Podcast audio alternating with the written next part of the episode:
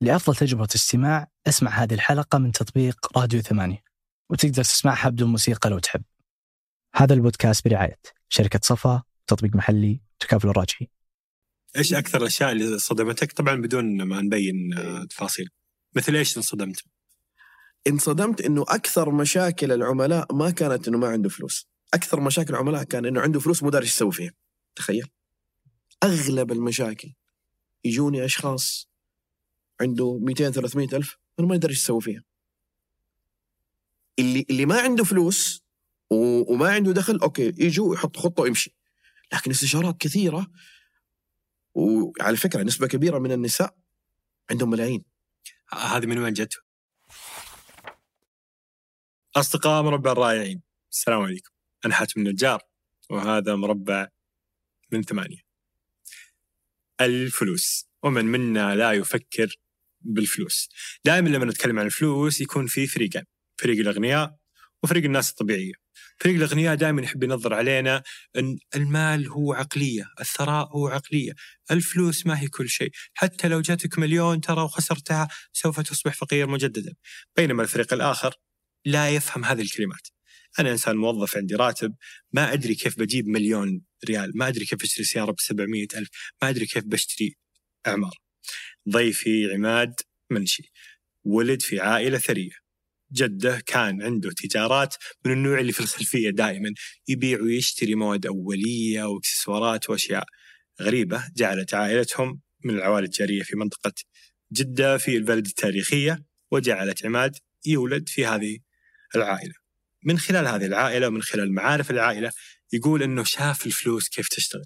شاف الأرقام الكبيرة شاف المحلات اللي تبيع بمئة ألف ومئتين ألف يوميا. ومن هناك بدأ يفهم عقلية المال وبدأ يفهم ما الذي يقصده الأثرياء عندما يتكلمون عنها.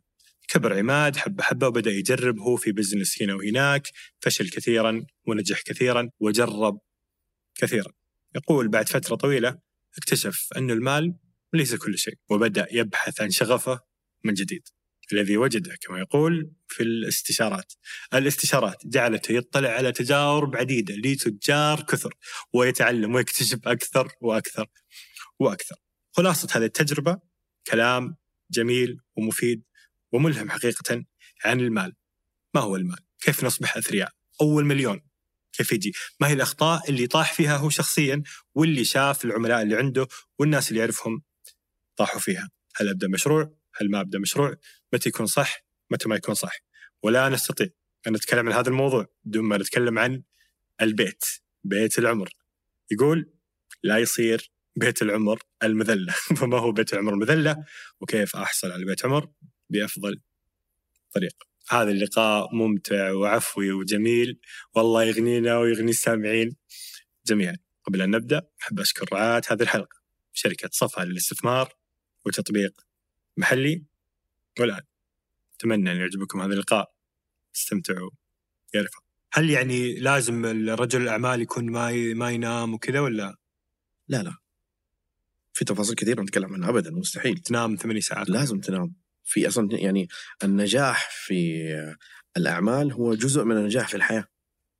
إيش الفائدة؟ إنه يكون أنا أنا عشرة أثرياء. عنده شوف مو مئات الملايين محفظته بس فيها 2 مليار. ورصيده فيه مئات الملايين. عنده ضغط وسكر ما ينام إلا بأدوية ما يصحى إلا بكذا. من مستشفى لمستشفى يروح برا يتعالج وصرف عشرات الملايين عشان يتعالج. طيب إيش أبغى بالفلوس هذه؟ فالحياة تحتاج لها توازن. في الجانب الروحي الجانب النفسي العلاقات. في نموذج اسمه عجلة ال- الحياة هذه موجود ودائما يتداول. كل يفصل هذا النموذج على حسب. فأبدا أبدا بالعكس. في تفاصيل كثيرة جدا ممكن نتناقش فيها في هذا إيش الأمور. عجلة الحياة؟ إيش النموذج؟ شوف عجلة الحياة إنه كل إنسان عشان يكون سعيد ما ينفع إنه يركز على جانب واحد، يعني مثلا ما ينفع عشان أنا أكون سعيد أركز بس على الجانب الديني. أوكي صح الديني فيه سعادة وروحانية وحاجة حلوة، بس أنت عندك حاجات ثانية ولنفسك عليك حق ولأهلك عليك حق حاجات ثانية. فلازم تكون ناجح في الجانب الروحاني ناجح في الجانب المهني ناجح في العلاقات ناجح في في الجانب الصحي. لأنه لو أخللت بالتوازن في أحد هذه الجوانب قد تفقد الباقي كله. بس غالبا اللي يحقق نجاح هائل في شيء ما يهمل البقية. يهمل البقية بإرادته. لكن أعرف تجار ما شاء الله تبارك الله صلاة على النبي. تاجر ناجح أموره طيبة مع أولاده في الاختبارات في المدارس وكذا. خلاص قد وصل لمرحلة وصحته ما تلقاه عمره 70 80 ويروح الجيم ويجي ما شاء الله ومتزوج وأموره طيبة. وعلى النقيض واحد عنده نفس الرصيد نفس الثروة لكن ظروف مختلفة. فلو إحنا بنتكلم على الجانب المالي ترى أحيانا والبعض في ال social media عندهم عارف؟ حس اللقافة في موضوع نبغى نعرف حياته الخاصة الحياة الخاصة للتجار ورجال الأعمال ليست بالضرورة هي التي أوصلتهم لهذه المرحلة من الثراء المالي، لا ابدا. كل واحد عنده خطة معينة وظروف مختلفة. فأنت لو تبغى تنجح في الجانب المالي أو تجارة شوف هذا إيش سوى من البداية إلى النهاية في الجانب هذا. بعدين إذا كان في ناس ربي يوفقهم تعلم منهم كيف هم وازنوا، التوازن ترى صعب. التوازن صعب جدا جدا جدا. خاصة اللي يدخلوا في مجال ريادة الأعمال في البداية لو تساله وتقول له آه، إيش أكثر شيء آه، يعني أنت ندمت عليه؟ بدون ما يفكر إهمالي لأبنائي. على طول. غصبا عنك. غصبا عنك. okay تلقى صلاتهم محافظ عليها أحيانا ممكن يروح الجيم وكذا لكن أكثر ما يمكن أن يبتلى في رجل الأعمال اللي يكون مركز في التجارة أنه يهمل أبنائه وأسرته. فهنا يحتاج يتعلم مهارات في التنمية البشرية كيف يقدر يوازن من هذه الجوانب كلها. وهذه المهارات يعني ما, ما تجي كذا لازم يبحث عنها ويكون عنده تفاصيل كثيرة جدا. يعني نسميها جزء من المهارات الريادية. أنت تعرف عشان تكون شخص ناجح في حياتك ومهارات ريادية في في مهارات معينة. أحد هذه المهارات؟ مهارات التعلم. خاص تتعلم كيف تقدر. أحيانا نحس اللي ينغمس في العمل بزيادة ما هو من كثرة العمل قد ما هو آه يعني تشتت وإنه ما إنه ما ما يعرف يسوي شيء ثاني. إنه هو بس يعرف يشتغل. بس ما عنده شغل 16 آه، ساعة كل يوم لمدة 10 سنين ما ما حد عنده هذا أصلا التطلب. هل تحس إن النظرة هذه صحيحة؟ في كذا وفي كذا. ترى في ناس كذا وفي ناس كذا. يعني قد قابلت أ... واحد عنده فعلا هذا التطلب إنه في عمل ينجز 18 ساعة كل يوم؟ شوف غالبا إذا أتكلم مثلا على شخص في بداية حياته المهنية دخل في مجال ال business وريادة الأعمال وكذا البدايات تتطلب الانغماس. غصبا عنك. غصبا عنك أنت تكون multitask تشتغل هذا وتشتغل هذا. عشان تأسس. بس إذا دارت العجلة كما يقولوا خلاص ومشيت الأمور خلاص. يعني آه، الأمور سهلة. لكن أنا لست مع هذا الشيء طول الحياة ابدا. لأنك أنت حتخسر حت... عاشرت. يعني أنا من الناس اللي كنت دائما أذهب مع الوالد من صغري. الوالد كان يحتك بالكثير من التجار ورجال الأعمال وأنا تربيتي وأنا صغير أصلا نشأت في هذه البيئة. بيئة تجار رجال أعمال ودائما استمتاعي أغلبه كان في السوق. عندنا سوق البلد في جدة هو قلب التجارة. استمتاعي هناك. مع التجار وأروح فشفت تجار والله العظيم كرهت شيء اسمه ثراء ثروة. لما لما شفت كيف هو تعبان وخلاص يعني حالته كذا ميؤوسة منها صحيا وكل حاجة. وشفت تجار والله العظيم حببوني في شيء اسمه ثروة. عنده مئات مليارات لكن هو مع أولاده قلب واحد. وطيبين وما شاء الله عندهم نظام وسيستم. الشيء اللي سواه في الشركات طبقه على أسرته. ففي كذا وفي كذا. أنا مع الانغماس إذا تطلب الأمر بس تحاول إنك توازن قدر المستطاع في الأمور الثانية. لكن إنك أنت طول حياتك هذه صعبة. حكيني عن طفولتك وعن العيش في عائلة آه تجارية. أنا يا سيدي يا حبيبي يا أبو ملك نشأت في عائلة آه، جدي رحمة الله عليه كان من أوائل المؤسسين لنشاط ال commission agent يسموه الوسيط بين تاجر الجملة وبين المصانع والشركات الخارجية. لأنه كان في, في ذيك الفترة يمكن قبل 40 أو 45 سنة ذيك الفترة كان عدد المتعلمين قليل كتجار. كان سبحان الله وهذه معلومة الرزق ما يعرف أنت متعلم أو متعلم. إذا شاء الله أنه يفتح عليك يجيك على طول. فما شاء الله كانوا تجار وأصحاب رؤوس أموال لكن ما كان عندهم مهارة اللغة الإنجليزية. جدي من القلائل اللي كانوا متعلمين لهذه اللغة في ذيك الفترة. فكان ياخذ طالع وهذه قصة يعني متناقلة في العائلة إنه كان ياخذ دائما ال- ال- البايسكل البسكليتة حتى يسموها نسيت والله إيش اسمها كذا السوداء كذا الكبيرة. والآلة كاتبة وراه. وكان يروح ويلف بين التجار كلهم عشان يكتب لهم لأنه كان في فاكس ذيك الأيام وتليجرام وكذا. فكان يلف بينهم كلهم ويكتب لهم خطاباتهم بالإنجليزي وياخذ أجرته ويروح. خلاص وهم يتراسلون مع الشركات فإذا جاء جواب يكلموه تعال. فكان دائما يوميا يمر عليهم بالطريقة هذه. إلى أن وصل لمرحلة بدأوا التجار يستعينوا به في وقت أكثر يعني وقت أطول. تعال أبو عبد أبو عبد الكريم اسمه كان هو يحيى رحمة الله عليه وأنا سميت ولد يحيى على اسمه. فوصل لمرحلة الشركات بدل ما تتواصل مع تاجر الجملة تتواصل معه. تجار الجملة بدل ما يتواصلوا مع الشركة مباشرة ما يعرفوا يتخاطبوا يتواصلوا معه. فصار هو حلقة الوصل بينهم. من هنا نشأ نشاط ال- ال- ال commission agent أو الكوميسيون في جدة في ذيك الأيام. هذا نتكلم عن البلد. حي البلد. البلد التاريخية اللي إحنا نشوفها حي التاريخ. البلد التاريخية أنا هناك فعلا الأسواق يعني كانت هي السوق. فلوس هناك. مؤسسة يعني- النقد هناك البنوك الرئيسية البنك الأهلي أكبر عمارة هناك في جدة كلها هناك. فكانت هي الأساس. وفتح له ذيك الأيام مكتب وفضل من الله كانت في على بداية الطفرة وما شاء الله تبارك الله جاء الخير. بسبب إيش؟ كان متعلم لمهارة اللغة. وهنا يعني وقفة ودرس مهم. نحن نتعلم في العائلة. مو بس يعني نتكلم أنا ولا أبوي لا نتكلم على أعمامي والأحفاد. إنه شوفوا جدكم كيف مهارة اللغة. الخير اللي أنتم شايفينه اليوم بسبب تعلموا مهارة واحدة اللي هي مهارة لغه فكيف لو كان أنت عندك مهارات متعددة يحتاجها السوق وين ممكن تكون؟ وفي غيره في ذاك الوقت وتلك الحقبة كان عندهم مهارات متعددة وسبحان الله فتح الله عليهم جميعا. ففتح هذا المكتب؟ فتح المكتب. وصار بدل يصير مترجم صار آه، وسيط. وصار ياخذ كميشن عمولة. أول كان ياخذ أجرة طباعة.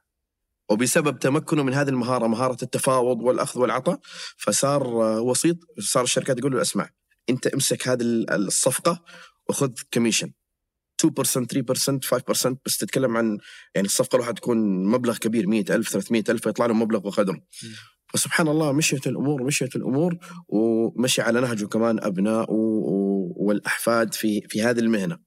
وكبرت التجارة ذيك الأيام وبدأوا يسووا محلات جمله فصاروا هم وسطاء إضافة إلى محلات.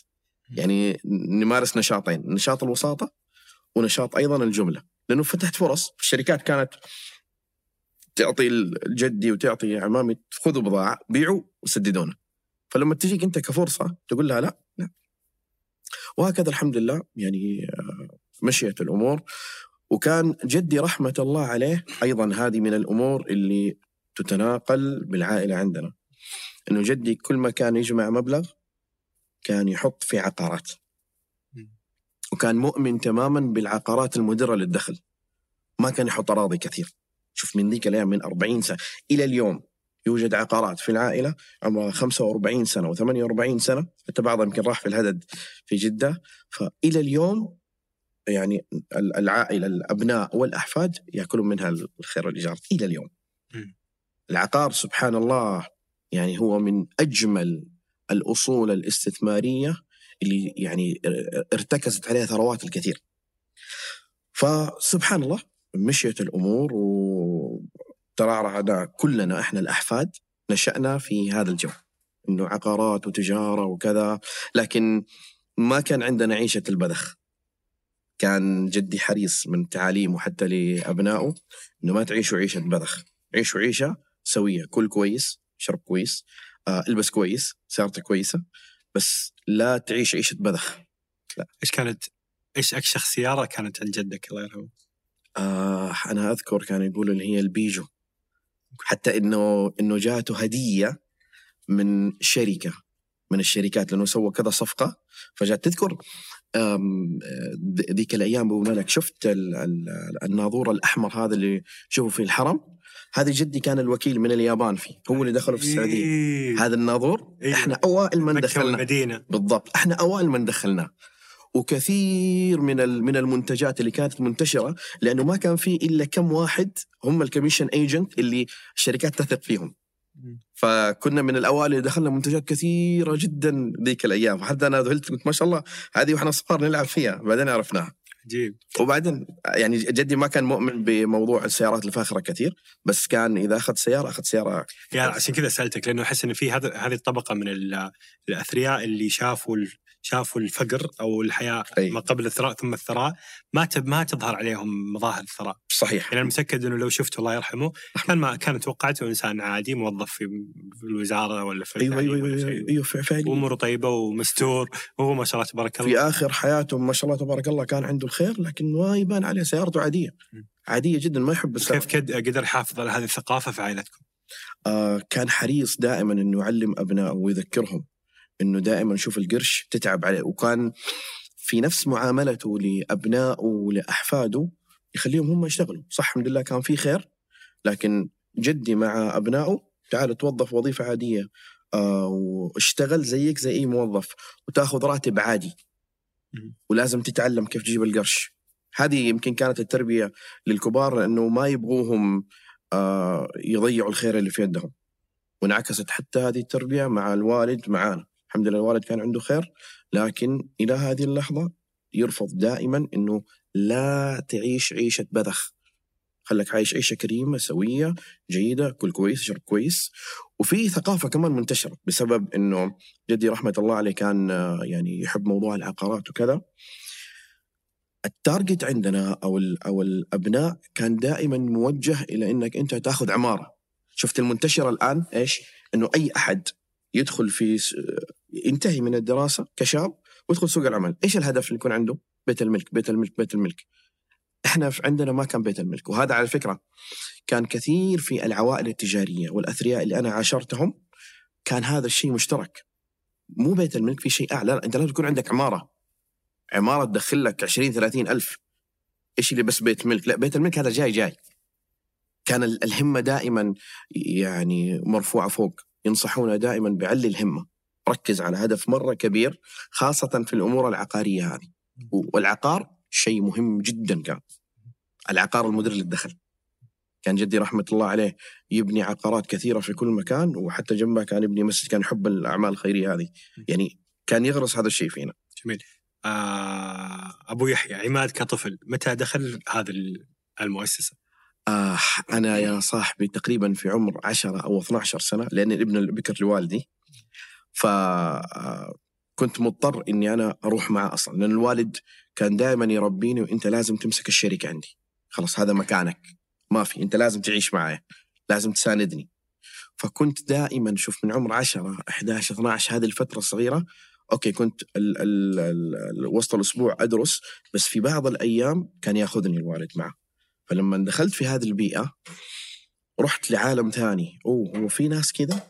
وفي في, في ناس في اليوم يجيهم مبالغ بعشرات الآلاف كمبيعات وفي ناس يطلعوا في الشهر ذيك الأيام شوف آه، خمسين ألف ومية ألف ومليون صار بيني وبين الأرقام هذه ألفة وهذا ديدا الكثير من الأثرياء اللي يبغى يعود أولاده إنه يوصل لمرحلة ممتازة جدا ماليا يحاول إنه يبني بينه وبين المال أو بينه وبين الأرقام الكبيرة ألفة.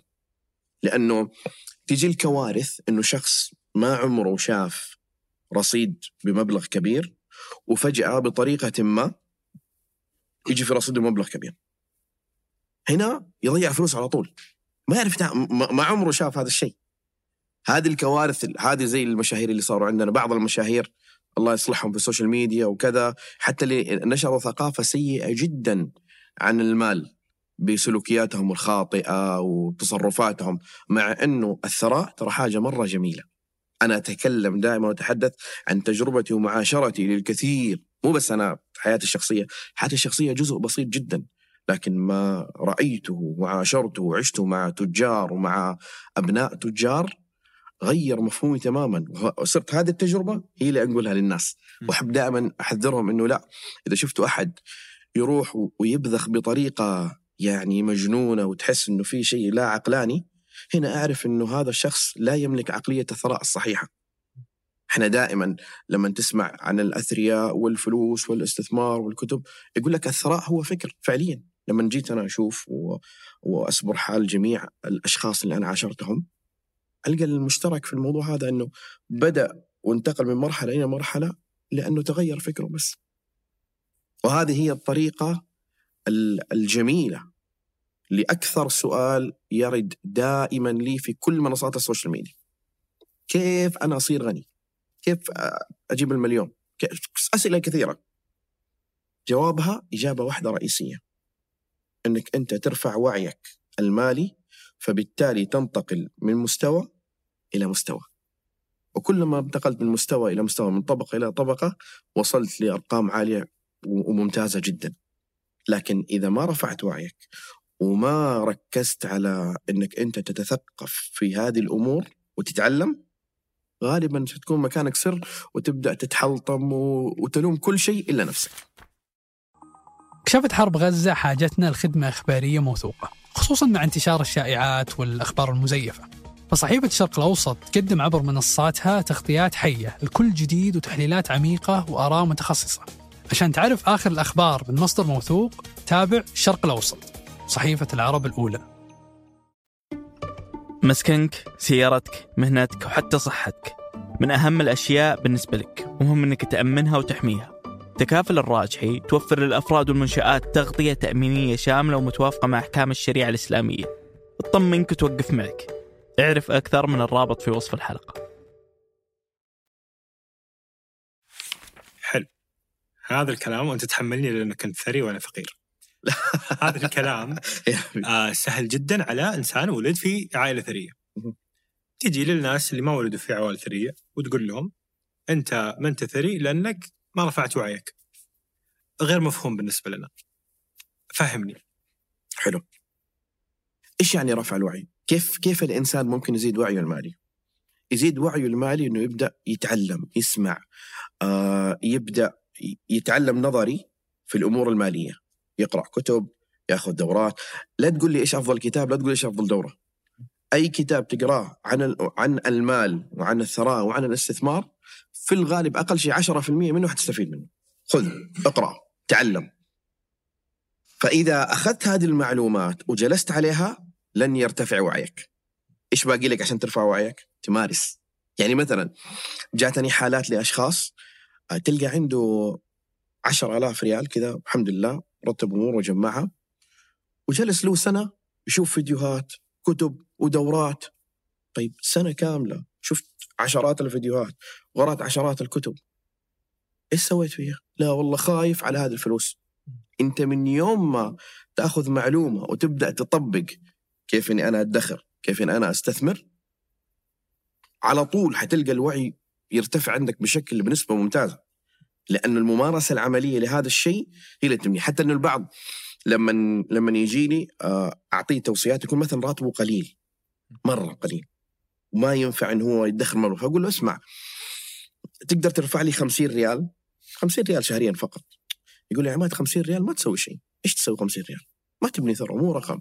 أقول أنا ما يهمني هذا الرقم لكن هذه ال 50 ريال هي أهم 50 لبناء المليون الأولى. أهم 50 ليش؟ لأن هي اللي تبدأ الممارسة. لما كل شهر ينزل الراتب ترفع لي 50 تدخر وتستثمر. الشهر اللي بعده 50 ريال تدخر وتستثمر. بعد سنة عقلك حيبدأ يفكر بطريقة مختلفة. وعيه اختلف فيقول لك اسمع ليش ما نخليها 80 تبدأ تجيك أسئلة. آه، طب كيف أخليها 80 أنا لازم أزيد دخل لازم كذا. سؤال يجر سؤال يجر سؤال فتبدأ تزيد دخلك. أغلب الناس اللي بدأوا بالطريقة هذه تلقى بعد خمس سنوات وصل لمبلغ كويس. وبدأ يتعلم بدأ يحط خطة الفرق بين اللي وصل للمليون بطريقة صحيحة وبين اللي قاعد طول حياته مشتت بين هنا وهنا ما عنده خطة وإن اللي وصل للمليون سوى حاجة مهمة كمان في البداية إيش سوى؟ قرر إنه يصير مليونير ترى في فرق يجوني أشخاص يحلم بس أنا أحلم اني اصير مليونير طيب هل أنت قررت؟ إيش يعني قرار؟ يعني ألتزم بما يتطلبه هذا القرار. مثلا أنا أبغى أجمع مليون في عشر سنوات. حلو. وهذه دائما خطط المالية تكون بالطريقة هذه. بعد عشر سنوات أنا بجمع مليون. طيب إيش يعني عشر سنوات مليون؟ يعني لو تقسمها على عشر سنوات يعني كل سنة بجمع مئة ألف. يعني في الشهر 8000 وشوية. يا سلام. حلو. صار عندنا خطة الحين. طيب. إيش أنت سويت عشان تجمع ال 8000 هذه؟ ما سويت شيء. ولا شيء. هنا يقول أنت بس حلمت عايش في أحلام اليقظة ما تصرفت. طيب أنت دخلك راتبك أو من وظيفتك يمكن 3000 و4000 وما يبقى منه إلا 500 ريال. إيش لازم تسوي طبيعي؟ تحرك تصرف. طالما قررت فالتزم إنك أنت ترفع دخلك عشان توصل لهذا الرقم. التزم إنك أنت تتعلم كيف تنمي هذا الرقم. عدم الالتزام يخليك عايش في أحلام اليقظة طول حياتك. ويمكن ما ما تخرج منها. جاتني حالات كثيرة. ما خرجوا منها آه هنا هذا الكلام يزعل. هذا الكلام يزعل. آم، الحين أنا هجمت عليك شوي فالحين بدافع عنك شوي. حبيبي. وعن أصدقائنا الأثرياء. آه هل ال- ال- الأثرياء يبقون أثرياء آه، سواء الشخص نفسه أو الأجيال ما بعدهم؟ لأن في فلوس ولا لأن في عقلية الفلوس؟ لأن في عقلية الفلوس. الثراء ترى فكر. وال والمال من طبيعته إنه يوم يكون فوق يوم يكون تحت. مرة عندك فلوس مرة ما عندك فلوس. هذا طبيعي ترى في المال. رصيدك مرة بالزايد مرة بالناقص. طبيعي جدا. ال- اللي يميز الأثرياء إنهم حتى وإن فقدوا أموالهم يعرفوا كيف يرجعوها مرة ثانية. وطبيعي جدا. شوف ما مر علي تاجر من التجار وثري من الأثرياء ما جاته مشاكل في حياته. ما مر علي ابدا. كثير منهم أقل شيء مشكلتين أو ثلاثة. ممكن فتح بزنس وخسر ممكن اتنصب عليه ممكن ممكن ممكن ممكن لكن تجي بعد فترة تلقى ثروة وزارة أكثر. هي عقلية بس التزام. لأنه في ناس لم من أول مطب خلاص يستسلم. ما أقول لك لا والله مو جوي وأنا ماني من من هذا ال- الفريق لا لا أنا أنا حدي كذا وأنا عشت كذا وابدا خلاص يلوم كل شيء وخلاص انتهينا استسلم. يأس فهي خليني أسميها مهارات إذا تعلمناها. حنعرف كيف نتعامل مع نفسنا آه، نعرف كيف نفكر في هذه الأمور عشان نتخذ قرارات صحيحه إنه حتى أبناء الأثرياء وابناء العوائل الثريه عندهم فلوس في بداية عمرهم بس اللي ما يكون منهم آه، عنده العقلية الصحيحة صحيح. يفقد المال. كثير. فانا أشعر إنه الحين بصير حكم بين ال- الأثرياء والفقراء. أشعر إنه هذه الفكرة مو واضحة بين الاثنين.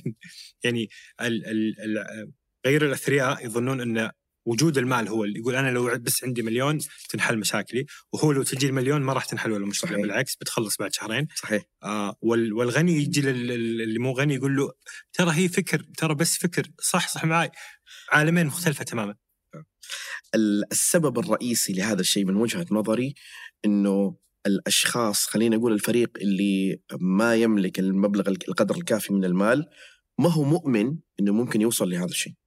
جاتني حالات مرة كثيرة، يعني مثلا أجلس أقول له يكون دخله مثلا 10000 وكذا أقول له بنحط خطه إن شاء الله إنه دخلك يصير 50000 يقول يا الله الجنة. كيف؟ إيش يعني يا الله الجنة؟ إيش إيش تقصد بيا الله الجنة؟ لا يقول أه مستحيل أنا أوصل لهذا الشيء. شوف أول حاجة هو مو حاط لنفسه إنه هو يستاهل هذه المبالغ طيب هل لأنك أنت ما تعرف انت مين ما ت... ما هو داري. بس يقول خمسين أنا هذا وجه خمسين اوه لا لا. ما, ما, ما مستحيل. أبو يحيى بالله خليني من عشرة لا 15 معقولة. بس هذا في محيط حياته كلها ما يدري إنه في خمسين ألف. أيوه هذه مشكلته. طول حياته الناس اللي حوله أصحابه اللي جمع معاهم في ال weekend الناس اللي يروح لهم أحيانا حتى المقربين من العائلة. المحيط اللي حوله هذه حدود رواتبهم. هذه هذه هذه حدودهم. فهو ما قد شاف أصلا ناس عندهم مبالغ كبيرة. يعني أنا لو حتى كنت أقول إنه في ناس دخل دخلهم 200 300 ألف جاني تنمر في ال social media. تنمر بشكل رهيب. أنت إيش قاعد تسوي؟ إيش قاعد تقول؟ مع إنه تراهم نسبة كبيرة جدا جدا. دخولهم عالية جدا. بالآلاف أصلا طلع تصريح من وزارة ناسي والله بس بالضبط، تصريح بالضبط. رسمي كم ألف واحد دخل كم. مليونير وملياردير بالضبط كثير جدا جدا جدا. بس لأنه هذا الشخص هو قرر إنه يعيش في هذا المحيط. وغير مؤمن ابدا. شوف بمجرد ما هو يقول لا والله أنا أستحق أنا أقدر إن شاء الله ما في أي مشكلة. وما ذلك على الله بعزيز. ويبدأ يخطط سبحان الله تنفتح له الأبواب. عندي حالات كثيرة جدا من عملائي. حتى يجوني بفكر ال- ال- ال- ال- اللي اللي منتشر الآن اللي يقول لك الموظف لا يمكن أن يصير غني لا يمكن أن يصير ثري. أنا خلي لما لما أسمع هذه الآراء دائما أنا أقول أنا مدرسة الميدان. أنا أحترم جميع الآراء وأحب إني أسمع للجميع وأتابع الجميع واطلع لكن لما أشوف معلومة بالطريقة هذه أخذها وأحطها في الميدان. فإذا والله كانت النتائج إيجابية أهلا وسهلا أتقبلها. إذا النتائج ما كانت إيجابية أقول له تفضل هذه المعلومة أو هذه النظرة هي رأيك الخاص بناء على تجربته هو. ترى على فكرة هو مو ملام. اللي تسمعهم يقول لك ال- ال- الوظيفة سيئة أنت تكون عبد وظائف حره وظائف هذا الكلام كله السوقي نسميه أو أو البعض اللي أخذه عشان يبيع شغلات معينة. هذه تجربته. هذه الزاوية الضيقة اللي هو يشوف منها. ما شاف شيء ثاني. ما شاف ملايين في حياته. فعشان كذا هو يقول لك الوظيفة ما توصل. بينما عندي كثير من العملاء نسبة كبيرة جدا جدا. دخلهم من وظائف حكومية. دخلهم 30000 40000 50000 بل في بعض ما شاء الله تبارك الله بعض الأطباء اللي يعملون في المجال الطبي حتى في مستشفيات حكومية دخلهم يتجاوز ال ألف وزيادة. طيب إذا إذا الواقع يقول وعلى فكرة ما عمره اشتغل تجارة. وهذه بالمناسبة كثير من الأطباء اللي يجون في استشارات أعطيهم توصية لا تشتغل لا تشتغل في التجارة نهائيا حيجيب العيد لأنه عندهم يعني يفكروا دائما إنه لازم أنغمس وأكون دكتور لا التجارة يبغى لها موضوع مختلف تماما. فإذا كان في حالات على أرض الواقع تقول إنه هذا موظف وما شاء الله تبارك الله كون ثروة كويسة. معناته الكلام هذا مردود. وإذا نبغى نتكلم في ال- الموضوع هذا بالتفصيل شوية و... ونوضح فيه لأنه على فكرة هذه من من أساسيات بناء الثروة إنك أنت تفهم إيش هي مصادر المال؟ إحنا عندنا ثلاثة مصادر إما وظيفة أو مهنة أو تجارة لا يوجد أحد هذه الثلاثة أفضل من بعض، لا يوجد كلها مصادر مال. أنا جاتني حالات ودائما أتكلم عنها في ال social media إنه جاني موظفين راتبه 15000 وجاني راعي مهنة راتبه 15 أو الصافي من مهنته وتعاقداته 15000 وجوني تجار عندهم مشاريع الصافي الأرباح اللي تصفى لهم شهريا 15000 سؤالي لك الآن يا أبو ملك في اللحظة هذه عندك ثلاثة واقفين قدامك مين أغنى واحد فيهم؟ موظف. ليش؟ إنه ما ما ما عليه شيء مرتاح. في اللحظة هذه الثلاثة م. كلهم عندهم نفس المبلغ. في مقياس ثاني إحنا نقيس فيه ثروته. يقول له تعال كم يبقى من ال 15 هنا أقدر أقيس ثروته فالمقياس مو بمدى دخله المقياس كم يبقى من فلوسه أقول له تعال حبيبي أنت يا تاجر كم يبقى من دخلك؟ بحكم إنه تاجر وكذا فقال لك والله أبقى من دخلي 1000 ريال. طيب أوكي. أنت يا راعي المهنة كم يبقى من دخلك؟ ابقى من دخلي ولا 4000 شوية. طب أنت يا موظف كم يبقى من دخلك؟ ابقى من دخلي 7000 6000 الحمد لله ما عندي التزامات ولا عندي شيء. في هذه اللحظة لما شفت الآن أرقام الفلوس اللي الآن باقية في يدهم أغناهم والموظف فعلا. لكن المقياس الأول 15 15 15 ما أقدر أقيس. فمقياس الثروة ليست بالرقم اللي يجيني من دخلي ولكن كم المتبقي. هذا أساس هذه ركيزة. طيب كذا خلاص يكفي إنه سرعة رياء؟ لا. هذه المرحلة الأولى بس إنه أنا يكون عندي مصدر دخل أحد هذه الثلاثه مصادر أجيب منه فلوس. هذه الفلوس أو المبلغ المتبقي بعد ما أخذت مصاريف معيشتي طبعا المبلغ المتبقي هذا أضعه في أدوات تكوين الثروه إيش هي؟ الادخار والاستثمار هي أداتين ادخار واستثمار يعني سابقا كان ال- السائد في عند أجدادنا وآبائنا اللي هو الادخار اكتناز المال كنز كانوا يجيبوا الذهب وكذا ويحطوه في صرار وصواني وخلوه يخلوه بالسنوات عشرات السنين الآن مع تطور العلم والتقنية لا صارت أدوات الاستثمار كثيرة. فالادخار كنز المال هو الأساس. بعدين أنا آخذ من هذا المال المكنوز وأبدأ احركه وانميه في استثمارات، الاستثمارات تسرع تحقيق الهدف. بدل ما أنت إذا تكنز المال فقط توصله اللي في عشر سنوات الاستثمار يخليك توصل الهدف في خمس سنوات. عشان كذا تلقى الكثير من من الآراء تنادي إنه لا تخلي فلوسك في البنك آه شغلها شغلها، طبعا لست مع هذا الرأي بشيء بنسبة 100% هذا كلام عام. كل حالة لها توصيات خاصة فيها. طب اسمح لي بوقفك هنا عشان لا لا نقفز كثيرا. تمام. قلت إن في ثلاث آه، مصادر للمال الوظيفه المهنة. والتجاره خلينا نشرح هذه. أول شيء الوظيفة. معروف وش الوظيفة؟ معظم الناس أصلا موظفين. آه، هل أقدر أصير ثري كموظف؟ وهل يفرق أصلا؟ إني أصير يعني هل كل موظف لازم يحلم إنه يصير تاجر؟ آه طيب خليني خليني أوضح لشغل شيء أساسي قبل ما ندخل في تفاصيله. اولا آه إيش إيش هو المال؟ ما هو المال؟ أنت برأيك أبو ملك إيش إيش المال لو أنت تبغى تتكلم بشكل تفصيلي أكثر وعلمي؟ آه، رصيدي في البنك المال إذا نتكلم بشكل علمي هو أداة مقايضة. أنا يكون عندي فلوس أبى أشتري أكل أبى أستأجر أبى أشتري سيارة فهي أداة للمقايضة، منتج وجد عشان يسهل عملية المقايضة. سابقا أنت تحتاج ملابس تعطي من عندك مثلا آه لبن ولا شيء تأخذ عارف؟ سابقا هذه كانت مقايضة. فالمقايضة هي التي تسد احتياجات المجتمع. حلو؟ نجي الآن لمصادر الدخل الثلاثة. ما هي الوظيفة؟ الوظيفة أنت تقايض بوقتك مقابل المال. أنت عشان تروح تشتري لازم يكون عندك فلوس. طب فين تجيب الفلوس؟ تجيبها من مصادر المال الثلاثة. فتقايض بوقتك حتى تجني المال. طب ما هي المهنة؟ أن تقايض بوقت وموهبة حتى تجني المال. طب ما هي التجارة؟ أن تقايض بوقت وموهبة وفلوس ومال حتى تجني المال. واضح؟ طيب. نيجي نتكلم على الموظف. هل ممكن الموظف اللي يقايض بوقته يصير غني؟ في مصطلح شائع إنه أنت إذا دخلت في سوق العمل لازم تدخل التجارة. طب أنا أقول له تعال حبيبي. آه، هي النقاشات تصير دائما عملائي. يقول له أنت الآن في بداية حياتك المهنية كيف تبى تدخل ال business وأنت أصلا ما عندك فلوس؟ إيش عندك؟ ماذا لديك لو تقايض به فتحصل على المال؟ إيش عندك؟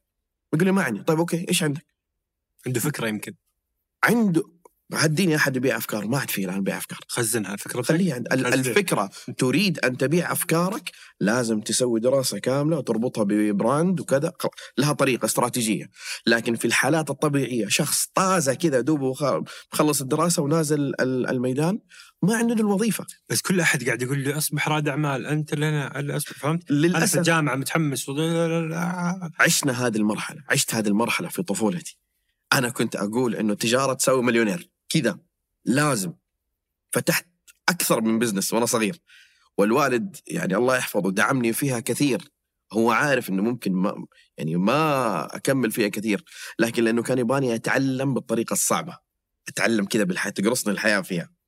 فكلنا في بداية حياتنا لما ندخل الميدان يكون عندنا هذا الفكر. إنه لازم أصير مليونير لازم يكون عندي تجارة عشان نصير مليونير. لا. لو إحنا بس فهمنا الفكرة الفكرة ليست إنه موظف أو مهنة أو تاجر الفكرة جيب لي مبلغ. من أي مصدر كان. وظيفة ولا مهنة وتجاره جيب المبلغ هذا ونحطه في ادخار واستثمار. وبس. تقدر تصير ثري. وأنت موظف وأنت راعي مهنة وأنت تجارة. ما في مشكلة. بل أقول لك شغلة. البعض يقول إنه خليني أقول هذول اللي ما مارسوا التجارة. ودائما ينظرون للوظيفة إنه الوظيفة هي عبودية. مع أني أتحفظ على كلمة العبودية الأمور لكن خلينا أفترض مجازا إنه هذا الكلام صحيح. أنت يا أبو ملك إيش رأيك؟ الوظيفة اللي هذول ينادوا بهذا الرأي تمام؟ وظيفة عبودية لمين؟ المديري. بس مديرك صح؟ حلو. التجارة متعد متعددة الآلهة. التجارة أنت تكون عبد لعملائك تمام؟ لو العميل ما اشترى منك تقفل شركتك. انت تكون طبعا هذا مجازا أوكي؟ انت تكون عبد لموظفينك. لا يغرك ال- ال- المدير ال- ولا صاحب الشغل اللي يكون شديد على موظفينه. لولا وجود موظفينه في الشركة قفل الشركة. هو عبد لموظفينه. عبد للموردين الخدمة. لو هو يبيع سلعة ومنتج ومورد الخدمة ما ما أدى هذا السلعة قفل بزنسه. فالتجارة متعددة الآلهة والجهد المبذول في أي عمل تجاري انت لو تبغى تأسس هذه التجارة والبزنس ترى ثلاثة إلى أربع أضعاف الوظيفة. فمن ينظر إلى التجارة أنها تحرر مخطئ غلطان. إيش هي اللي ممكن أنا أصفها بالأعمال الحره المهنة. ليش؟ شوف. تراك ما ما عرفت المهنة بشكل واضح. المهنة هي أن تقايض بوقت وموهبة. يعني مثلا البعض يكون يسموهم مجازا الآن freelancer من المحامين مثلا. محامي مستشار مصممين. مصور ايا كان. تقول له يا حبيبي صور لي عشر صور خذ فلوس. عندك وقت معين. في تعاقد معين لإنجاز مهام. تمام؟ الوظيفة وقت. تعال يا عمي ثمانية ساعات بصم وامشي. في إنجاز مهام تسويها. اللي اللي يبغى ينتقل من الوظيفة ويبغى يروح للتجارة بحجة أن الوظيفة هي نسميها عبودية أو أريد أن أتحرر فإن التجارة مقيدة أكثر من الوظيفة، الوظيفة إيش تسوي؟ الوظيفة أنت تجي بداية دوامك تبصم تأدي مهامك، نهاية الدوام تبصم وعلى قولهم تفصل السلك سماعة. خلاص عشت حياتك. لكن التاجر ما مر علي تاجر في حياتي. ويمكن ناس تكون أنت عاشرتهم أو تعاشروهم قدر إنه يأخذ إجازة بنسبة 100% حتى لما انت انتهى الدوام هو غصبا عنه يتابع كل الأعمال.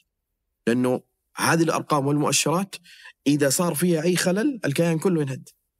حتى لو كان هو يمارس دور تنفيذي فقط واللي تحته كلهم اشتغلوا. ذهنيا هو مشغول. فالبزنس والمهنة والوظيفة هي مصادر دخل طيب متى نقول أنت تنفع للتجارة وتنفع المهنة وتنفع الوظيفة؟ هنا أنت لازم تكتشف ذاتك. ترى في ناس يجوني يقول لي أبغى أسوي business أقول له معلش لا تدخل business لا تدخل business ابدا. لا شخصيتك ولا ظروفك ولا تجاربك حتسمح. ليش؟ بعض المشاكل اللي تجيني لأشخاص بالطريقة هذه مثلا راتبه طول حياته 5000 6000 حلو؟ افتح business لما يفتح business في ال business في شيء اسمه إيراد مبيعات يومية. تمام؟ لما تجي المبيعات أول يوم ثاني يوم في اليوم ألف ريال. أوه ابدأ يضرب حسب. في اليوم ألف ريال يعني في الشهر 30 أنا صرت مليونير. أنا محمد آل جابر. وأنا هادي فقيهي. وهذا جديد ثمانية بودكاست جادي.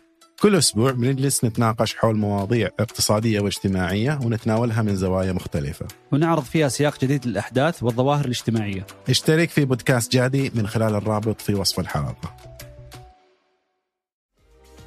الجماليات المعمارية مهمة بس جودة البناء أهم وحداثة التصاميم مهمة لكن الخدمات والمرافق أهم. المهم والأهم مضمون. تملك المستقبل مع وحدات شركة صفاء للاستثمار. أعرف أكثر من الرابط في وصف الحلقة. لو قلت لك أن 48 ألف متجر سعودي قرروا يجتمعون في تطبيق واحد يعرض لك أكثر من 7 مليون منتج. هل بتكون مهتم؟ هذا اللي صار في تطبيق محلي من شركة سلة. التطبيق اللي يجمع كل متاجر سلة مع منتجاتها في مكان واحد. حمل تطبيق محلي من الرابط في وصف الحلقة. راتبي 30000 30000 حقي حلالي. يا هو مو كذا. لا لا حقي. إيش يسوي؟ كثير يجوني بهذه المشاكل. نسميهم جيب وصندوق واحد. والله إيش تبغوا يا جماعة؟ نبغى كذا كذا كذا. يلا خلاص ناخذ من الصندوق واشتري لبيتي واشتري لنفسي واشتري كذا. فرأس المال ما فصلوا عن ال business كان جيبه والصندوق واحد. وارتكبت هذه السلوكيات اللي دمرت ال business. فكثير من اللي يكونوا في آه، فئة الموظفين يكون متحمس لكن يدخل ال business بدون وعي. ما ما يفكر صح. بس مجرد يقول لك أبغى أتحرر من الوظيفه وهذا خطأ. تبغى تدخل بزنس أفضل طريقة. وهذه خليني أقول من من أحد الإجابات المهمة اللي يسأل كيف ممكن أوصل لأول مليون في حياتي أقول له إنه يكون عندك خطة كويسة توصلك لأول مليون. طيب إيش يعني خطة؟ باختصار إنك تعرف ما هو الطريق الذي يوصلك لهذا المليون. وأول مليون هي أصعب مليون. روح اسأل أي تاجر. أول مليون هي أصعب مليون. ليش؟ لأن الواحد في بداية حياته يكون متخبط. الوظيفة هذه المجال هذا والله بصير مهندس بصير طبيب أنا بصير مصمم أنا ما أدري ما يدري هو إيش يبغى في هذه الحياة. فيقعد متخبط سنة سنتين خمسة عشرة. أحيانا وكثير من منهم يبدأ في الثلاثينات كذا يتوازن. خلاص يبدأ ينوزن. آه خلاص اكتشفت والله هذا هو المجال اللي أنا حبيته وهذا تخصصي. والبعض ما شاء الله من البداية. خلاص عارف تخصصه وعارف أموره. فمجرد ما يعرف يبدأ يقول لي عماد خلاص إيش رأيك أنا أبغى آه، أفتح business أقول له دقيقة. أحيانا بعضهم ترى يكون شغال في وظيفة والمجال اللي بيشتغل business فيه مرة مجال ثاني تماما. فأفضل طريقة حتى تأسسه بطريقة صحيحة أقول له روح واختبر نفسك في الميدان. اشتغل في هذا المجال كموظف. سنة سنتين ثلاثة. إلى أن تصل لمرحلة تكون فيها متقن تماما. يقول لي عماد أنا أخذت دورات أنا فهمت. أقول له العلم النظري في هذا المجال لا يكفي لتأسيس business تأسيس ال business غير وإنك أنت تخوض غمار التجربة وبفلوس غيرك غير. لا تخوضها بفلوسك. ليش تخوضها؟ أنا الحين بصير رجل أعمال أروح أتوظف ب 5000 صحيح. يعني صع- صعبة. هدف الوظيفة هذه ليست أن تقتات من هذه الوظيفة. هدف يعني حتى شوف مثلا كمثال من الأمثلة اللي جاتني شخص بيفتح مطعم تمام؟ وعاجبه موضوع مطاعم مرة حاب موضوع المطاعم. فكانت التوصية طبعا هو شغال في وظيفة روح اشتغل في المطعم هذا وفي في مطعم منافس. اشتغل فيه part time آه، دوام مساء أي حاجة. دبر نفسك.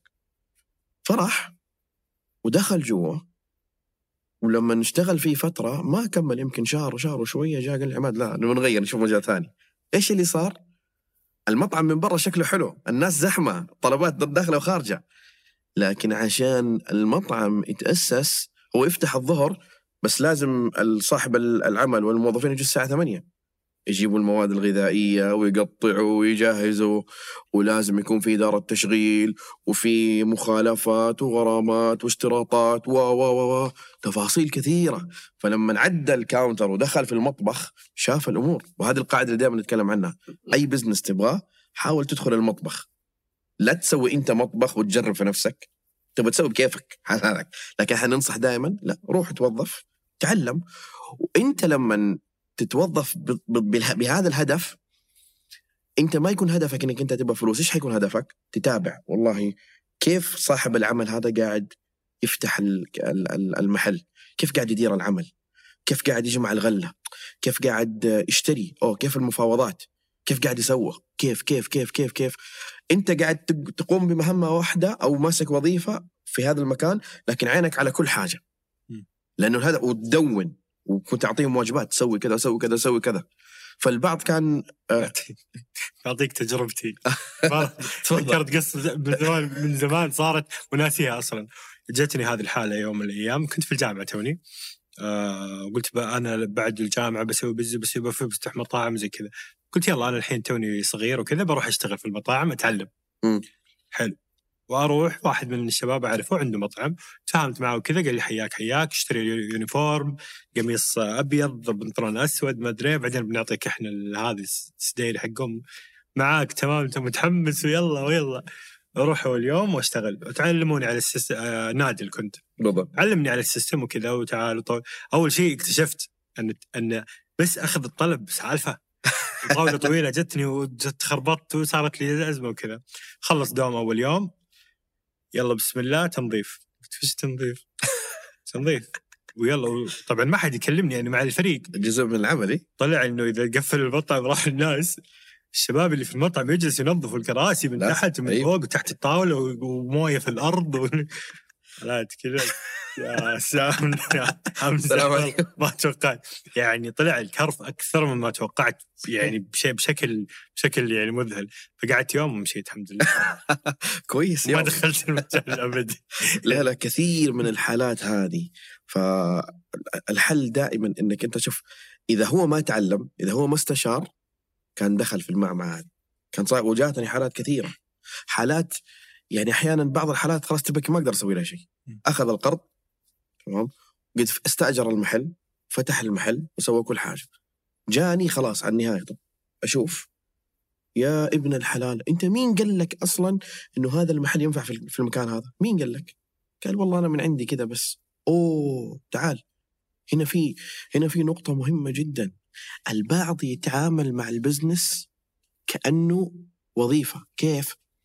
وهذا فكر كان عندي أنا في البدايات والوالد الله يحفظه كان مخليني يعني كنت يعني أذكر وأرجع لمثال أخذت آه، مرة كذا الوالد استثمر في محلات استأجرها قريب من البيت. وعجبني أنا المحل اللي في الكورن فقلت له أبوي أنا باخذ المحل هذا. قال لي إيش تبي تسوي فيه؟ قلت له يعني كان عندنا محلات جملة هدايا وكذا قلت له باخذ بضاعة محلات وابيع هنا. قال لي متأكد؟ قلت له متأكد أنا متحمس خلاص أبغى أصير عارف؟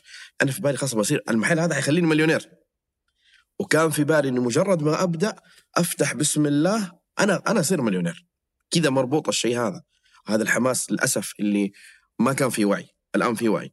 فأخذت ال- المحل طال عمرك واسسته وجهزته وكذا وجبت موظفين اثنين كلهم على أساس إنه يعني المحل بإذن الله حيشتغل ويجوا زحمة وكذا.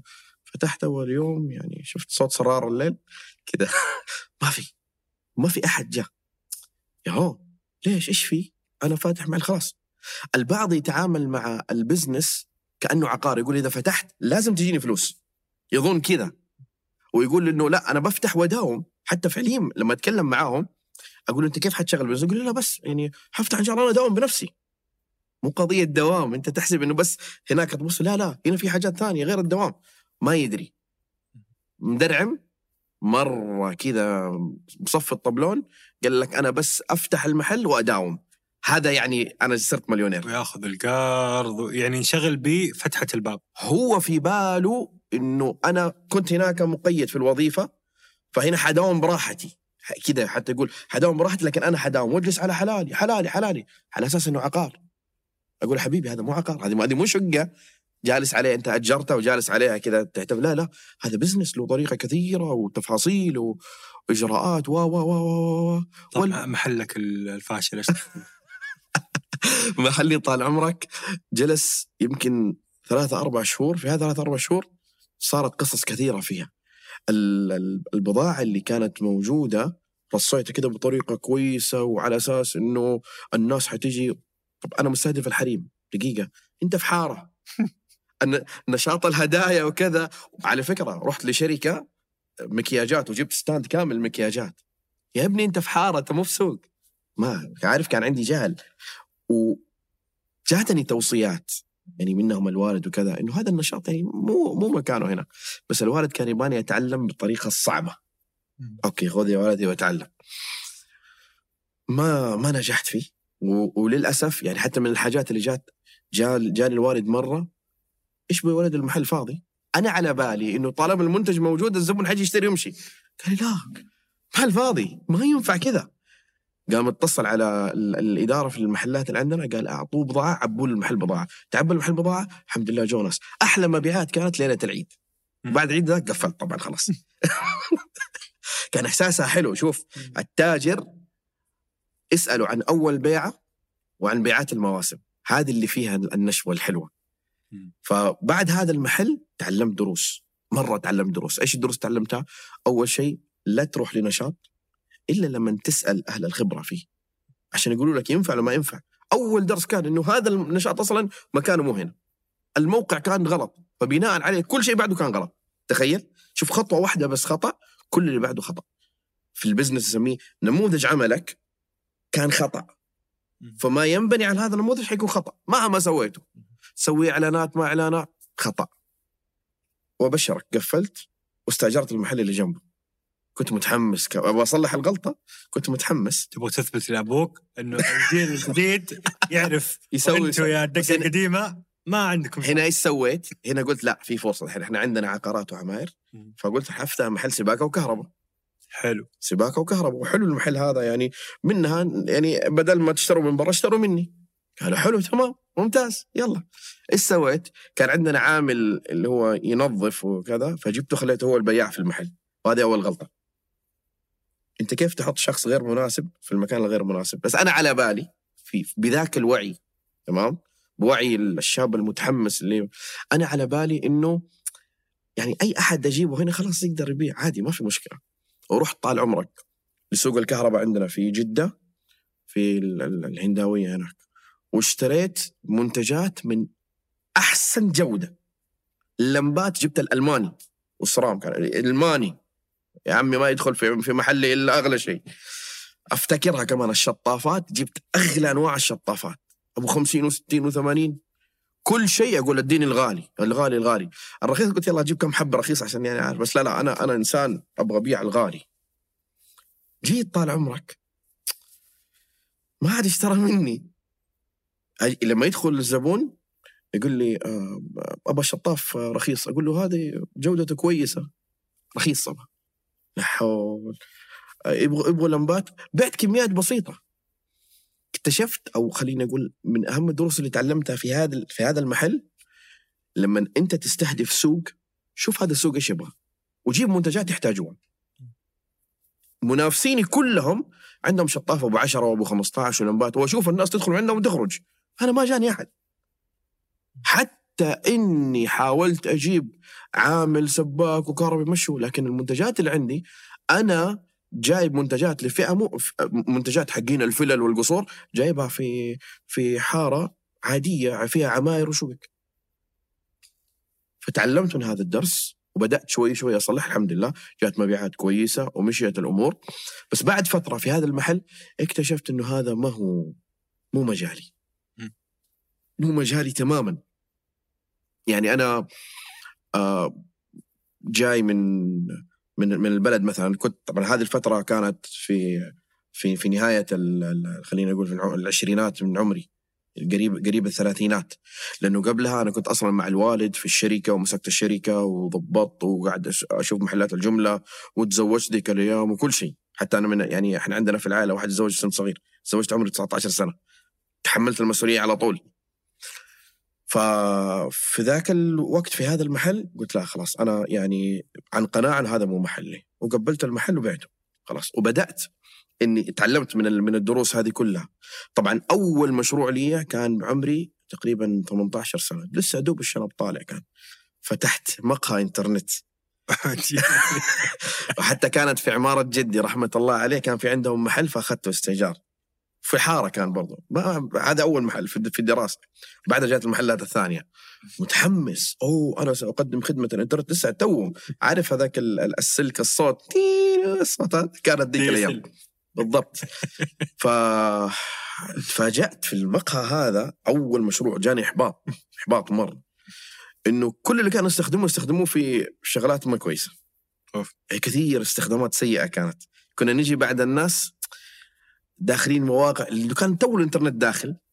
ففي كثير من من المراهقين ما كانوا يعني يحسنوا استخدامه فبعد فترة قلت يا عمي الله يكفينا الشر. ما نبغى شيء زي كذا. قفل والله يبارك. طبعا كانت التكاليف قليلة جدا. هو نفس البوية والديكورات. جبت لي طاولتين وكم كمبيوتر وخلاص ذيك الأيام. بس بعد بعد المحل الثالث بعد ما قفلته خلاص قلت خلاص عرفت أنا إيش أبغى. لا أنا أبغى حاجات إنه يكون فيها بيعات وكذا زي ما سوى جدي والوالد. لا أبغى أدخل في هذا المجال. وطبعا نشاط الوالد هو كمل لنفس نشاط جدي. كان عنده محلات جملة في حي البلد هناك. وكنا نمارس نشاط اللي هو ال commission agent مع البيعات بالكنتينر. يعني يجي الكنتينر أبيعه بالكنتينر. وانتهينا فبعد ذيك الفترة بدأت أتثقف وأتعلم في إيش المجالات اللي أقدر أشتغل فيها وسافرت.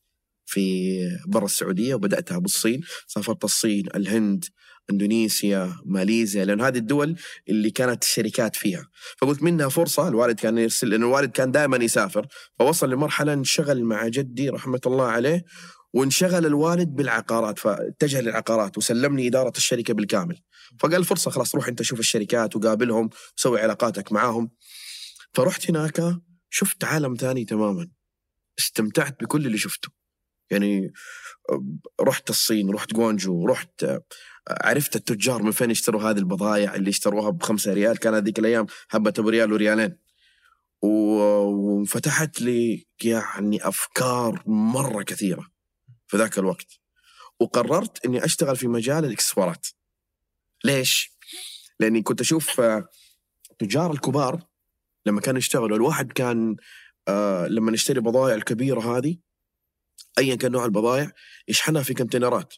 والله container 40 high cube آه 20 high cube آه ال container سعره 2000 دولار 10000 دولار. container يعني أجور الشحن البحر هذه. container بالضبط. فيها صغير اللي هو 20 high cube وفي 40 high cube. تمام؟ وفي 20 فكانت آه يعني آه مشكلة عندهم أجور الشحن. كانت تأثر في سعر البضاعة. بس كانت الأمور ماشية. لكن لما أنا شفت الاكسسوارات كرتون قد كذا 10000 دولار قد كذا فهي من الشغلات اللي نسميها ما خف وزنه وغلى ثمنه عجبتني.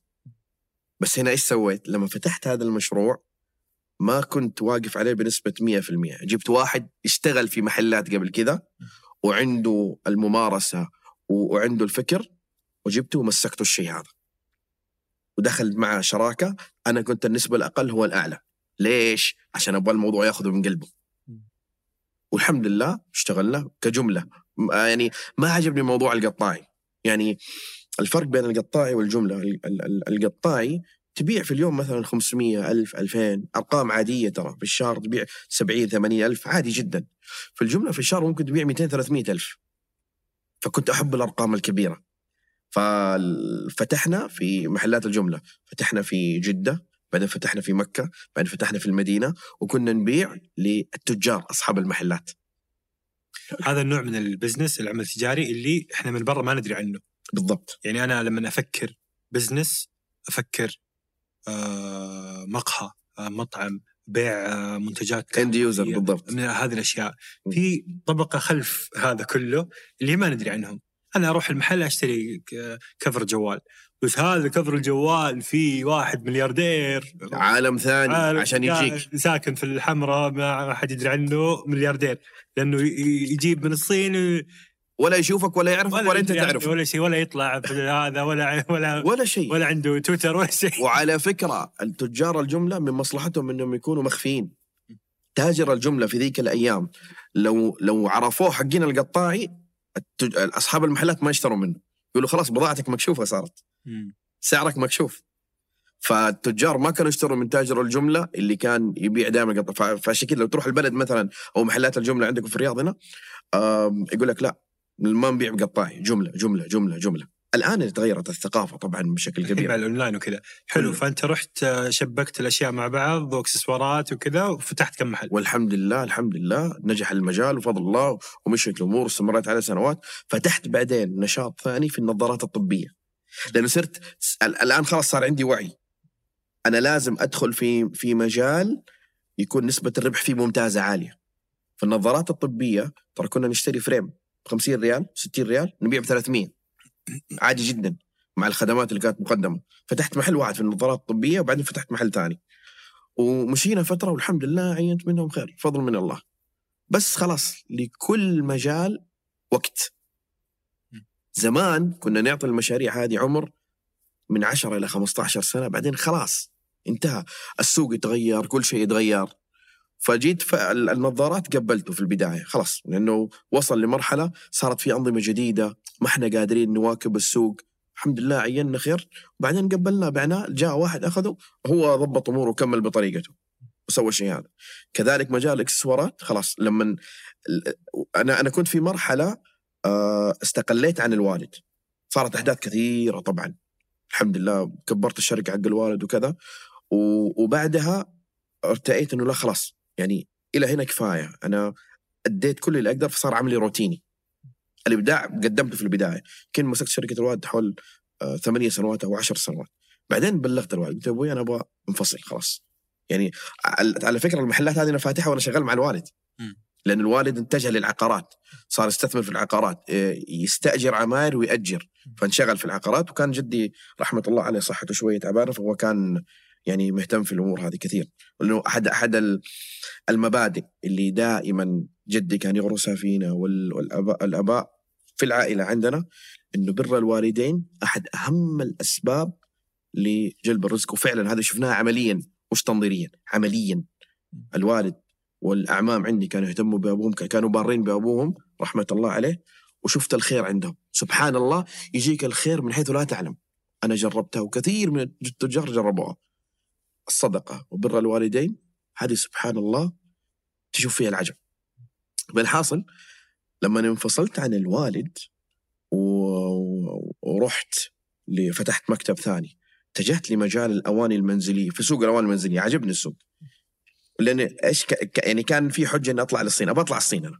ع- عارف ذيك الأيام كانت يا يا أبو ملك أي أحد تقول راح الصين يقول لك أوه تاجر وكذا. ترى ما كان في نت لسه أتكلم على 2005 2006 لسه لسه في البدايات كانت.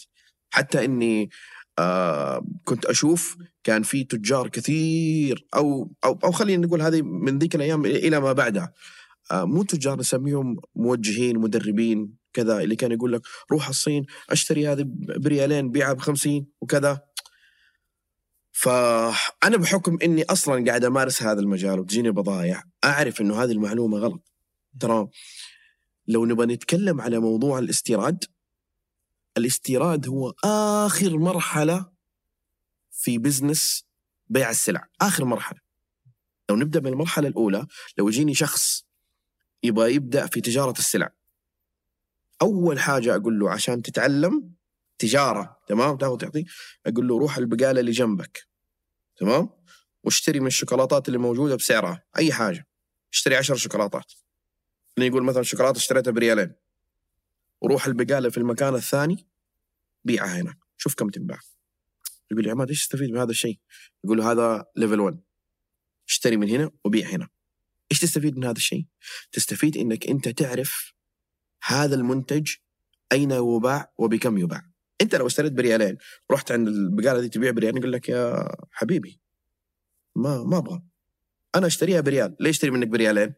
آه هنا جاتك معلومة إنه هذا المنتج يباع في هذا المكان بريال. سجل عندك. يلا روح مكان ثاني. تأكد هذه المنتجات بكم. فيدور كذا محل العروض اللي ت... اللي ت... اللي تجي إنه هذا بريال بريال وربع بريال بريال وربع هذه المرحلة الأولى. أنت تبدأ تعرف إنه هذا المنتج يباع هنا في السوق بريالين لكن يشترى منك بريال وبريال وربع. حلو تمام. بيعها باللي تبغى. روح دحين المرحله الثانية. تروح لك في أسواق الجملة عندك وتحاول تشوف بكم تقدر تشتري كمية بسيطة. خذ لك 100 ريال 200 ريال 500 ريال. هذه كلها تجارب. هذه ليست الآن تجارب تجارب. تروح وتبدأ تشتري كمية بسيطة. مثلا وقفت عليك بريال و50 هللة. تروح عند المحلات ممكن يشترون منك بريال و60 هللة بريال و70 هللة. تبدأ عارف تطلع فرق بسيط. وتمشي العملية معك وتبدأ تك- تستكشف الأسواق. أهم مرحلة في تجارة السلع خليني أتكلم ال offline تمام؟ تستكشف الأسواق. والأونلاين لها استكشاف بس لها طريقة اللي يسوي متاجر إلكترونية. بس أفهمك اللي هي بالطريقة التقليدية عشان إذا وصلت الفكرة خلاص تعرف. فأنت تبدأ تسوي test test بالطريقة هذه تشتري من تاجر جمله وتحاول تبحث قدر المستطاع إنه آه وين ممكن ألقى واحد بدل أنا اشتريتها بريال ونص من وين أقدر أشتريها بريال و40 هللة بريال و30 هللة؟ تبدأ تتساءل وتبحث تبحث تبحث تكتشف والله في المدينة الفلانية هناك في سوق مثلا جدة تعتبر هي أكبر سوق في الجملة في ذاك الوقت لأنه كان المينا وكذا. ففي ناس يكونوا من برا جدة تشوفهم دائما يجوا يتقضوا من جدة ويروحوا. وما شاء الله يعني خير بالطريقة هذه. فتبدأ تد- تدور تاجر الجملة المحلي. لما توصل لمرحلة من الطلب على منتجك إنه التاجر المحلي خلاص مو قادر يوفر لك بأسعار أقل.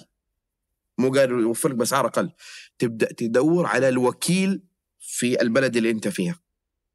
الوكيل عشان بدل ما تشتريها بريال و40 تشتريها بريال و20 مثلا. تبدأ تقلل في التكلفة. وهكذا توصل في البحث عن المصادر لين تبدأ تروح لدبي. شوف هي تدرج. الدرعمة ذي اللي يروح الصين ويجيبها لأنه بريال هذه غلط. ما ننصح فيها ابدا. فتبدأ تروح مثلا في دبي. بعدين تبدأ تروح للصين. طيب إذا من الصين ما شاء الله تبارك الله ربي بارك لك.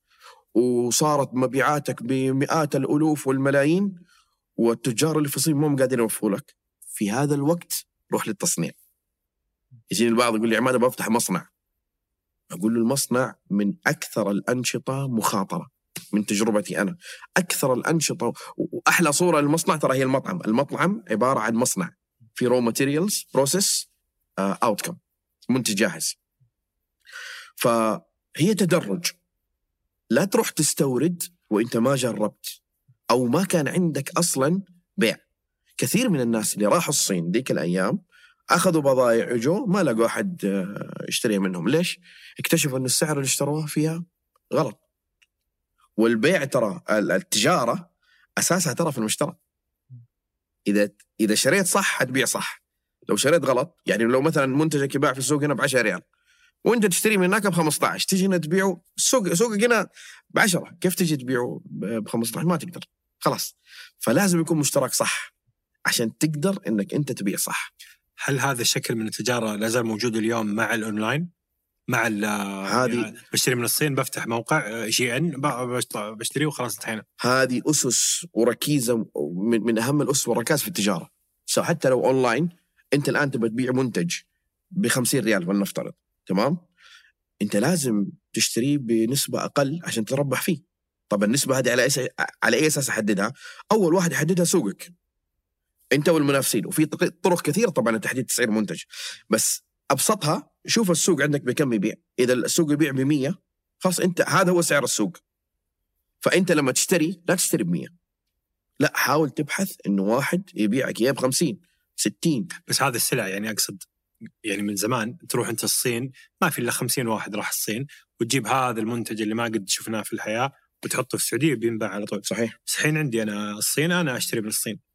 يعني أنا كمستهلك نهائي أي. بفتح شيئا بفتح علي بابا اكسبريس بفتح بفتح.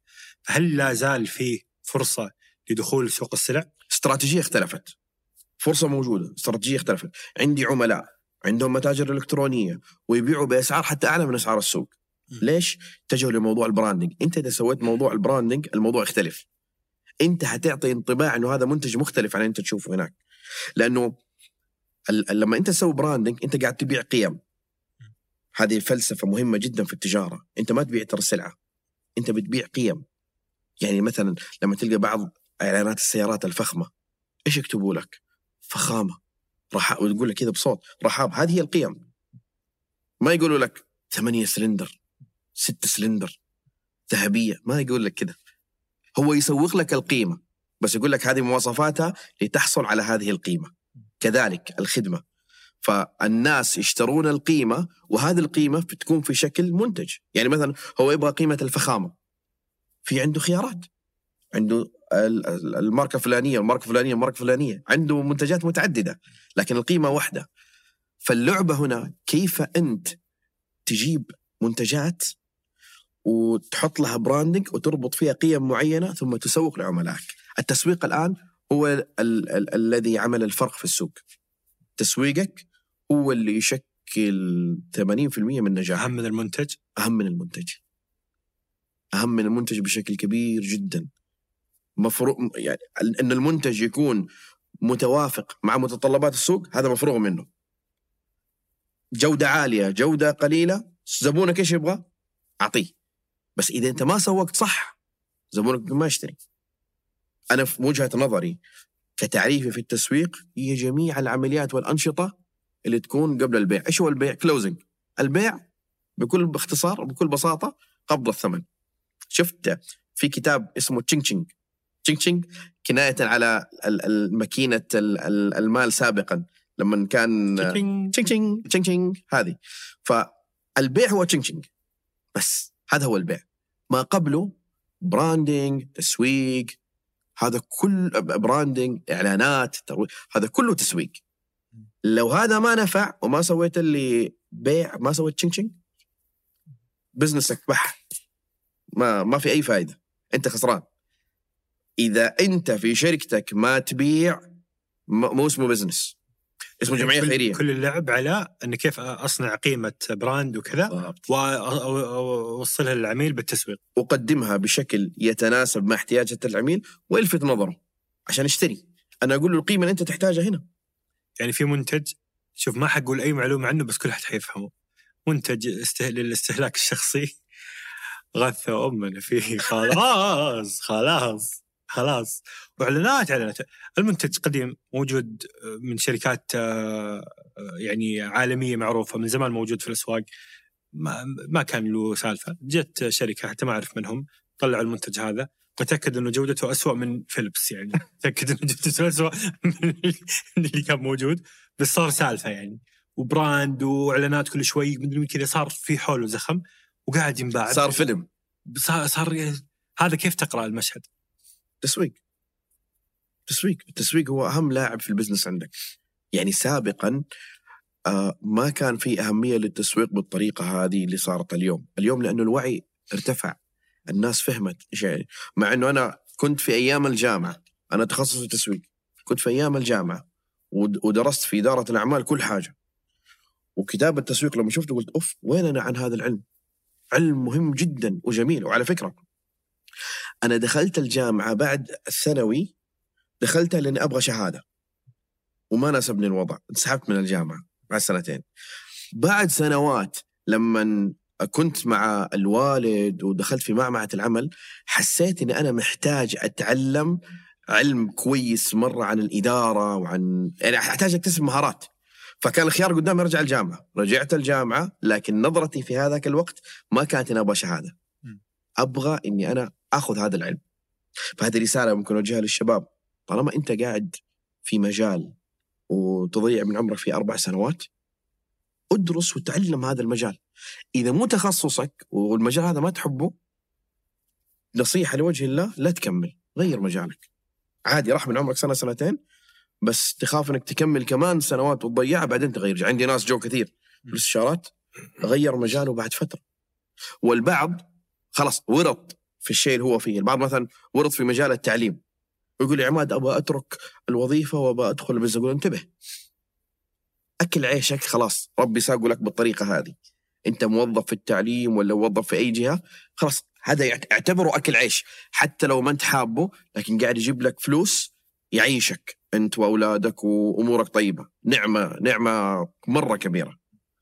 المجال اللي أنت اكتشفت انه هو مجالك هذا يا حبيبي الفاضل ابدأ تكتك له بشويش وأسسه على روقان لا تقعد إنك أنت تتذمر ولازم أترك الوظيفة مصيبة لأنه أنا دائما أتحدث عن قاعدة من يرغب إنه يترك الوظيفة ليؤسس business أنصحه إنه يؤسس ال business هو على رأس العمل يقول لي كيف اسس ال business؟ أقول مارس أصغر نموذج في هذا ال business بأي طريقة كانت. يعني مثلا أنت تبغى تفتح متجر إلكتروني في سلعة ما جيب بضاعة ب 1000 ريال. أبدأ أسس شوية شوية. جيب فريق عمل، في في كثير من أنواع التجارة تقدر تأسسها وأنت على رأس العمل، ما في أي مشكلة. تقدر إنك أنت تكون جزء من هذا الفريق اللي أسس. فأسس شوية شوية إلى أن يوصل لمرحلة الدخل اللي يجيك منه يسوى ضعفي راتبك وقتها أقول لك ممكن إنك أنت تترك. أما إذا الدخل اللي يجيك منه ما كان ضعفي راتبك أو أكثر ما أنصح إنك أنت تترك وظيفة. كثير غامروا بالشيء هذا. أحد الحالات يعني آه هي شخص كان في في وظيفة مرموقة من شركات كبيرة. شركات عليها الكلام. وراتبه كان ممتاز في العشرينات تقريبا. تحمس مع هذول اللي دائما يتكلموا إنه في البزنس والتجارة وكذا تحمس مرة تحمس. فقام استقال من وظيفته. شوف لسه ما أسس ولا شيء. استقال من وظيفته وكان في باله بيسوي مطعم. وراح حتى ما عنده فلوس. راح تسلف من كذا شخص. وراح أسس مطعم. مطعم أذكره كان آه، الأكلات ال- ال- اللي هو ال- ال- الآسيوية هذه بعض الأكلات الآسيوية. وفتحها في حي كله عربي. ما أعرف مين قال له بس خلاص هو شفت لما بعض الشباب يجيك وخلاص عنده كذا زي زي زي زي النشوة إنه أنا أبغى أفتح business يعني أفتح business ما في أي مكان بأي طريقة أهم شيء يكون عندي business أهم شيء يقولوا أنا رائد أعمال. كذا أبغى الرتبة هذه حقت ريادة. لا يا ابني مو كذا فأخوي أخونا هذا فتح البزنس سوى المطعم. وحسب ما أذكر كان حتى إيجار المطعم فوق النص مليون. مرة غالي كان. ما ينفع على نفس النموذج وسوى دورين وعائلات. شفت ال- ال- ال- ال- اللي أنا كنت أفكر فيه في محل الهدايا إنه الناس حتيجي وزحمة. نفس الفكرة. قال لك لا أنا أسوي الدورين كاملا بسويهم آه، جلوس. الناس حتنزعم. فين حتجلس زجاج وعارف هذا الخوف اللي ما له داعي. فتكلف وتعب وأسس ال business للأسف. المصاريف كانت أعلى من الدخل. جلس فترة ما قدر. وقفل. وخسر فخسر وظيفته خسر business ه صار عاطل عن العمل. ليش؟ مليون ومديون وصارت عليه مشاكل وقضايا وحوسة. ويعني أسأل الله انه يفرج عنه ما أعرف إيش وضعه. الحين أسأل الله انه يكون يفرج عنه. ف ليش هذا كله؟ بس حماس بدون عقل. تحمس. طب ما أنت كنت كويس وظيفتك وراتبك كويس أهلك عايشين. ليش هذا كله؟ حماس. فنصيحتي دائما دائما تبى تتخذ قرار إنك أنت تروح لأي مجال من المجالات. شوف أنت أصلا تنفع للمجال هذا ولا لا. ترى في ناس ما ينفع للبزنس. في ناس ما ينفع للمهنة. في ناس حدوا الوظيفة. تقول لي طب كيف أصير مليونير؟ أقول لك الآن إحنا في عهد ما شاء الله تبارك الله من التطور ودرجة ال- الحضارة اللي صايرة كل شيء تقدر إنك أنت تدبله راتبك تقدر إنك تدبله تبغى تشتري وقت تقدر تشتري وقت. شغلات كثيرة جدا تقدر إنك أنت تستفيد منها لزيادة دخلك. أبسط ما فيها إنك أنت تشتغل في أحد من هذه التطبيقات وتبدأ تزيد دخلك.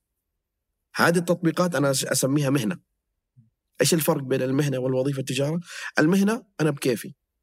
الآن أبغى أشتغل شغلت التطبيق نزلت السوق آه، أخذت لي كم لفة طفشت خلاص رحت. هذا هو العمل الحر. بس التطبيقات يعني ما كم يعني بالدخل؟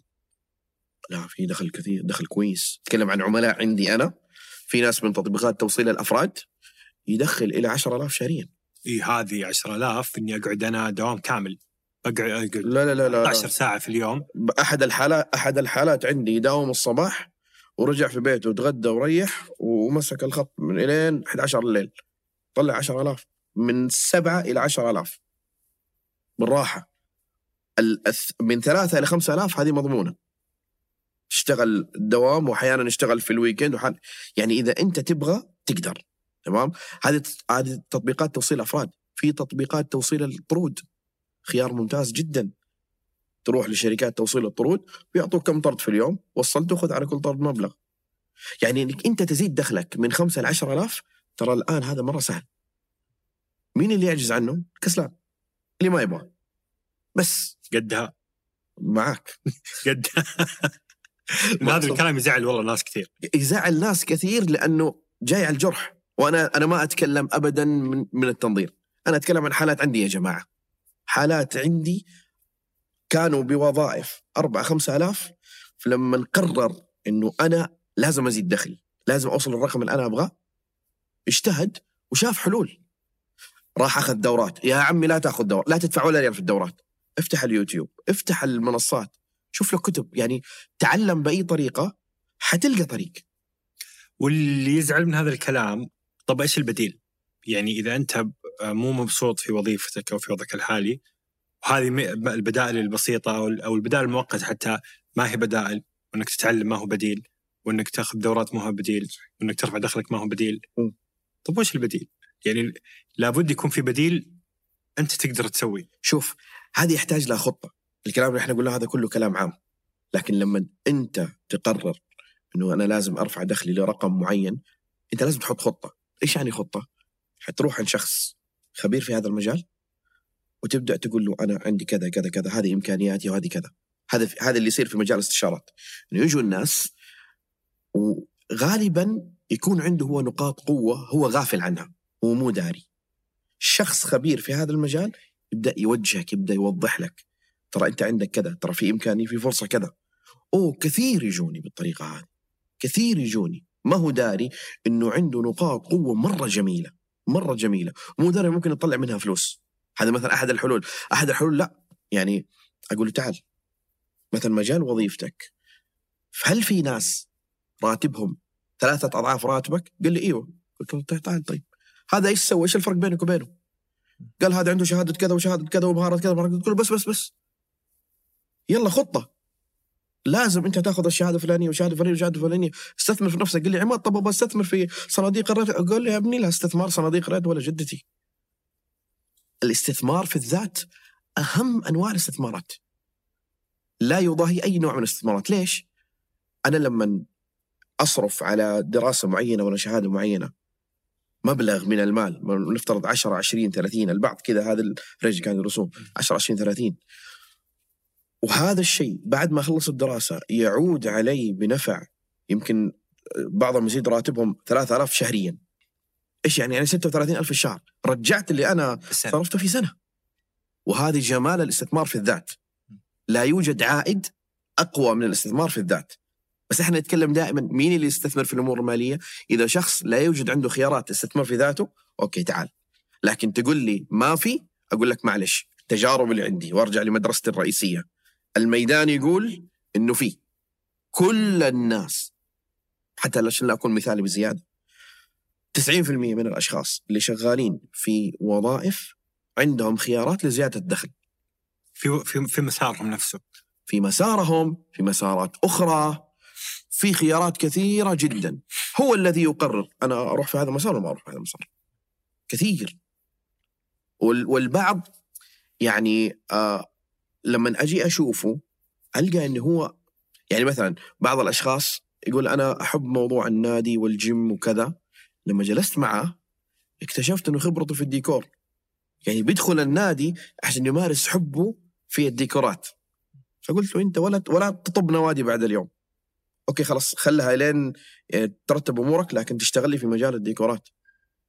فإذا أردت أن تزيد دخلك أهم شيء تسويه اكتشف ذاتك البعض ما هو عارف هو وين الله حاطه في هذه الحياة أنا من الناس اللي حياتي فرقت 180 درجة لما عرفت مساري وخطتي في الحياة كيف أوه. عرفت مسار؟ أوه لها قصة هذه لي أنا بعد ما طبعا خلاص استقليت عن الوالد ودخلت في مجال الأواني المنزلية. دخلت في مجال الأواني المنزلية والرز طبعا.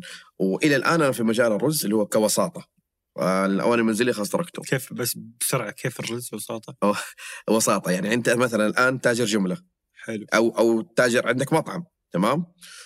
وتبغى تشتري كمية رز بال brand تبعك. مم. أنا عندي مصانع. أنا الوسيط بينك وبينهم. أجيب لك العينات. ولها يعني طريقة في اختيار العينات. ال mix تبغاه 80 20 70 30 بالطريقة هذه. مم. إذا اخترت العينة وثبت عليها أجيب لك البضاعة إلين عندك. خلاص. وتدي وأنا آخذ عمولتي من الشركة طبعا. حلو. سوالف اغنياء إحنا ما لنا دخل. قول لي كيف اكتشفت ذاتك؟ طبعا على فكرة ما دام جبت طار الرز خليني أقول لك شغلة. تجربتي في مجال الرز ده. أنا لما لما شفت طبعا أقل طلبية في الرز يعني تتكلم على 300 400 ألف. كذا يعني الكونتينر واحد فوق قيمته 100 ألف 120 بالطريقة هذه.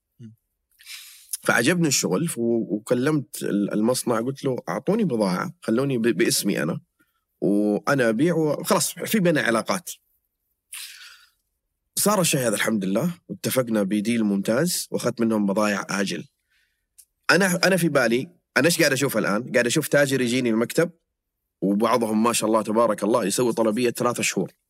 تجيب لي ثلاثة container الآن وبعد 10 أيام ثلاثة container يعني يسوي معي سلسلة إمداد هي كذا الرز. ما تشتغل كذا ما تعين خير. لا عالم ثاني. فكنت أشوف ما شاء الله 50 container 80 container موسم الرز طبعا هو في أكتوبر. وقصة له في من الهند. طبعا إحنا شغال أنا شغال فقط مع الهند. وله أنواع وعالم. فلما أشوف هذا التجار أنا تحمست.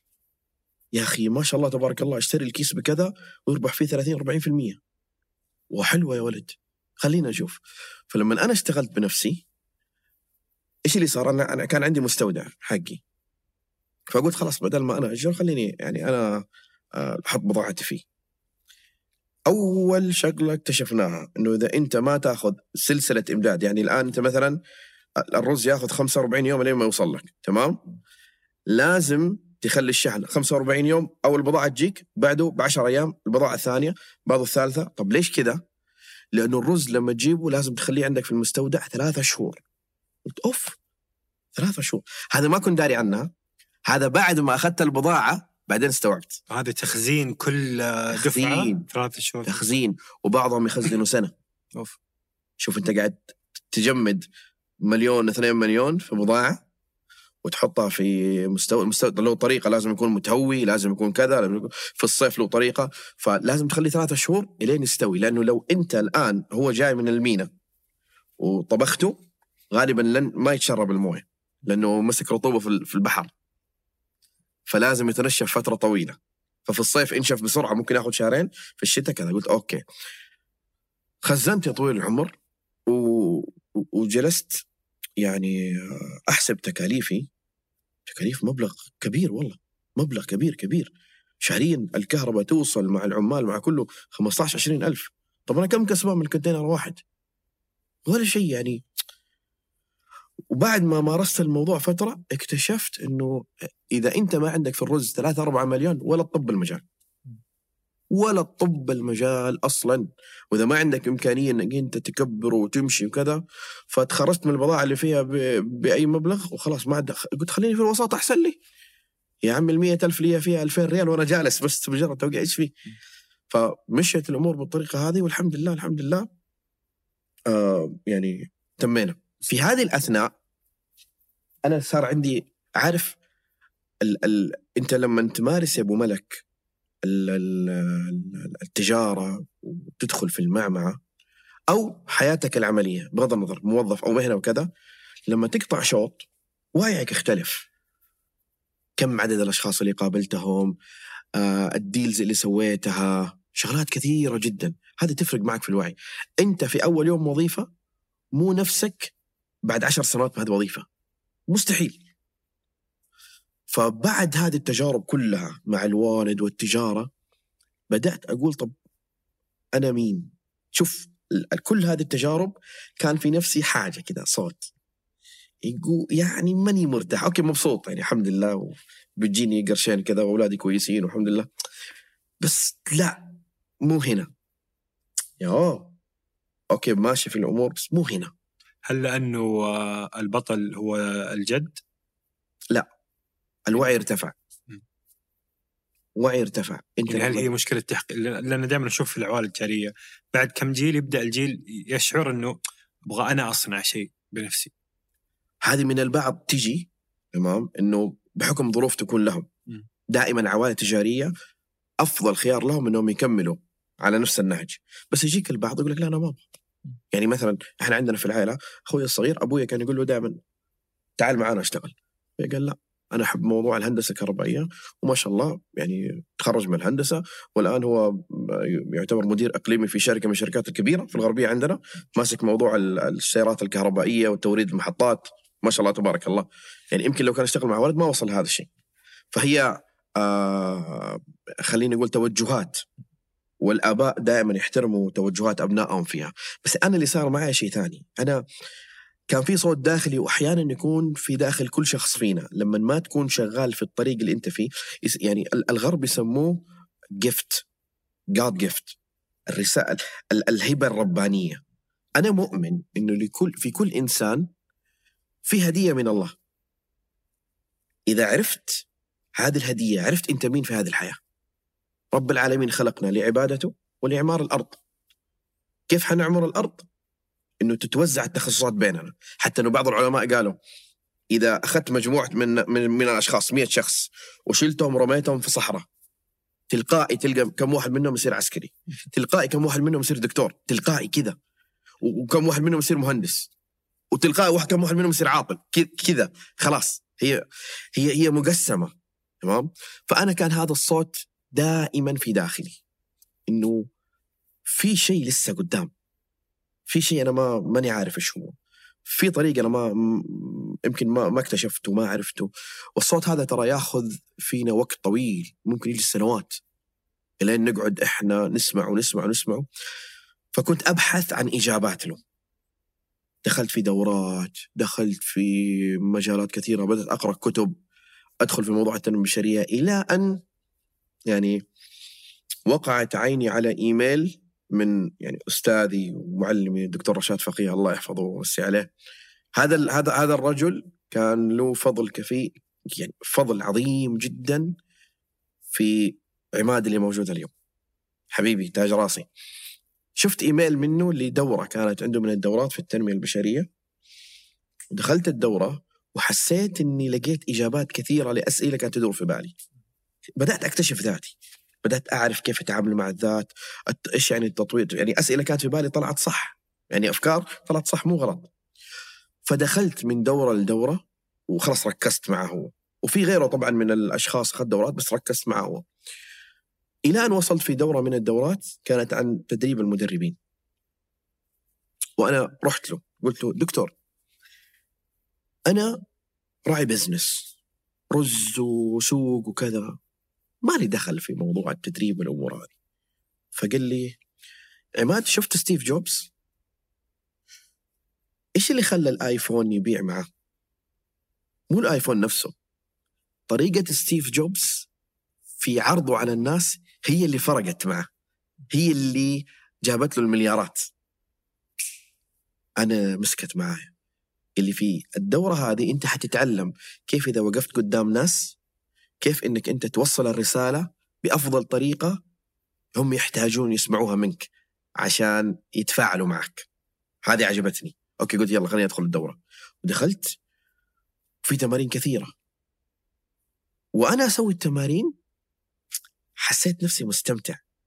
مستمتع وأنا أتكلم. حتى أذكر ال- ال- ال- ال- الدورة اللي كنت ألقيها في التخرج سميت المدرب المليونير.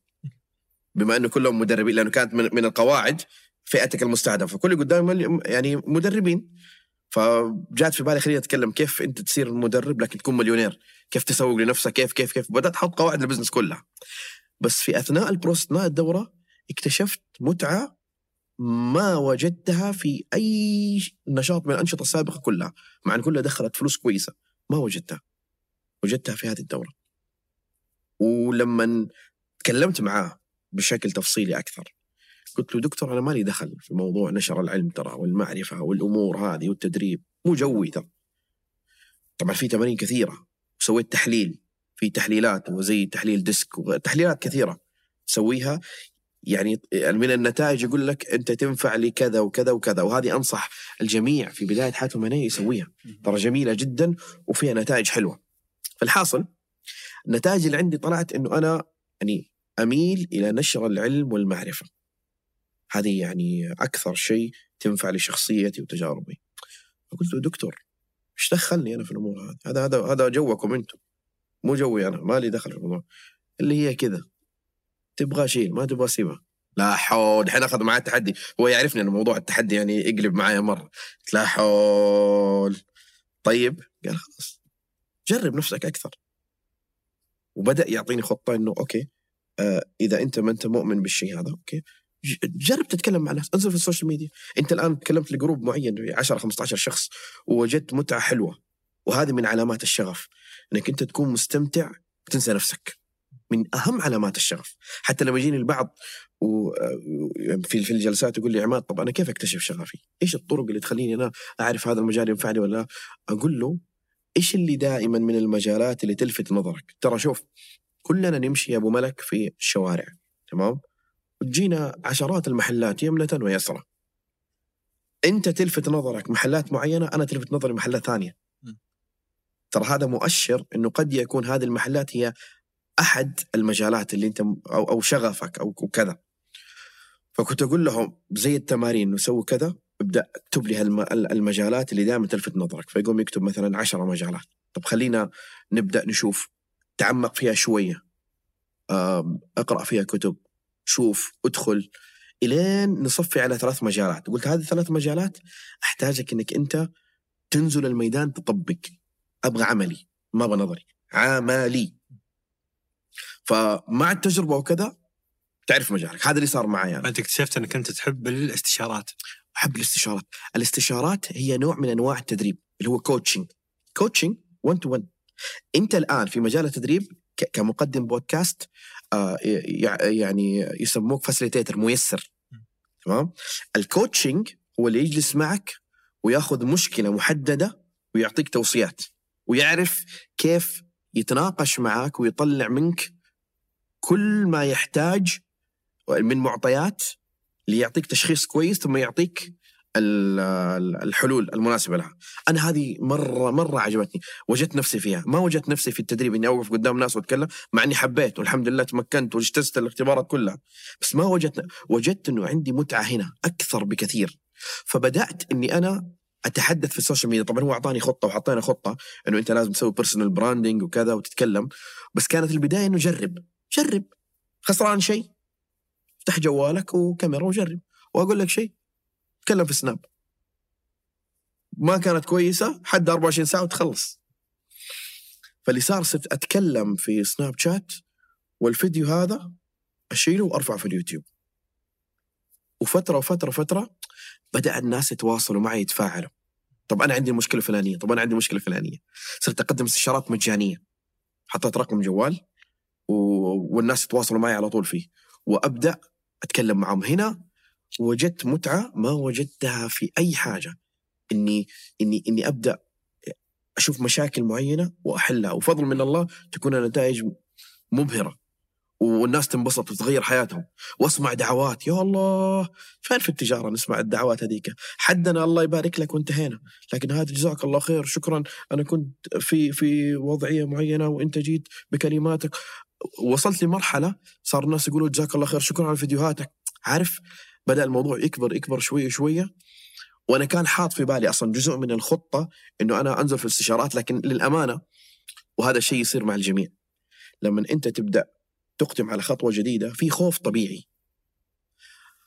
الخوف هذا يعني هو موجود ترى شوف المقاتل في المعركة يخاف.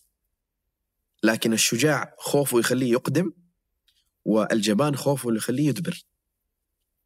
طبيعي. فالخوف فينا كلنا. قبل هذا البودكاست فيني خوف أنا عادي. فيني خوف. هل أقدر إني أنا أفيد المشاهدين والمستمعين؟ ولا مو طبيعي. لكن جميل تتعلم بعض المهارات اللي تخليك لا تقدم وتبدأ تحتاط. أوكي أنا عشان أفيد الناس في الشيء اللي أنا قاعد أقدمه أنا لازم أسوي واحد اثنين ثلاثة لازم أتعلم واحد اثنين ثلاثة.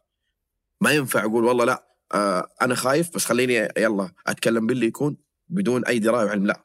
الخوف هذا يخليك تحتاط أكثر. ف شوي مع الوقت قررت إني أنا أقدم استشارات اللي هي أدخل مجال الاستشارات بشكل رسمي نظامي. طبعا قدمت على التراخيص وكذا وحصلت على التراخيص وكل شيء. وعشان أعلن لأول جلسة استشارية يمكن جلست ستة شهور. متردد. طبيعي. ما أدري بكم اسعر آه، إيش أسوي؟ وين أقدم؟ كيف؟ وبعدين قلت لا لا خلاص. عماد ترى أنت جاهز. أشوف هذه الرسائل. كانت يوميا كانت تجيني 40 50 رسالة. وأجاوبهم أقول عماد أنا هذا عدد من الاستشارات أنت تقدمها. خلاص هذه نتائج كويسة. أقصى ما يمكن يصير إذا أنت إذا أنا شفت إنه أنا ما أفدته حرجع له فلوس. صح؟ ما هذا الشيء. يلا توكل على الله. لما فتحت الإعلان تفاجأت وجاتني حجوزات مرة كثير. لأنه أصلا أنا باني البرسونال براند أنا أخذت الموضوع بالطريقة الصعبة. البعض أحيانا لما يبغى يمتهن مهنة والاستشارات هي مهنة. البعض لما يبغى يمتهن مهنة بالطريقة هذه ايا كان المهنة هذه خلاص ينزل كذا على طول ويغفل موضوع العلامة الشخصية ال personal branding وهي مهمة جدا جدا إذا كنت آه، تمتهن مهنة معينة. مرة مهمة. لأنه الناس راح يرغبوا إنهم ياخذوا الخدمة منك هذه لذاتك. صار بينك وبينهم علاقة كويسة آه احترام وود فعلى هذا الأساس قالوا خلاص يلا خلينا إنه إحنا آه ناخذ الخدمة منه. آه وفي كثير من الأحيان اللي صارت معي أنا اللي حجزوا معي الاستشارات كانوا أشخاص آه شافوا فيديوهاتي وتواصلوا معي في وقت من الأوقات ومعلومة أو معلومتين من اللي أنا تكلمت عنها فرقت معهم بشكل كويس. فحسوا إنه هذا ممكن يفيد. هذا الشيء نفسه مثلا لما يكون دكتور من من الدكاترة يتكلم معلومات كويسة وأنا أخذت معلومة والمعلومة هذه أفادتني فهنا راح أثق في هذا الدكتور وأشوف إن هذا الدكتور هو أحسن دكتور بالطريقة هذه. فهذه فائده ال personal branding فلما بدأت اني إني حتى أول يوم سويت الجلسات الشهرية ماني داري كيف انظم الوقت. ما أدري أنا طبعا سويت ما كان عندي لا مدير أعمال ولا شيء. وكان كله بس واتساب بالجوال وكذا. وبعضها كانت حضوري وبعضها كانت عن طريق الاتصال. أول يوم أخذت عشرة جلسات. مدرع ما أدري أنا الناس كلها تبغى قلت أوكي.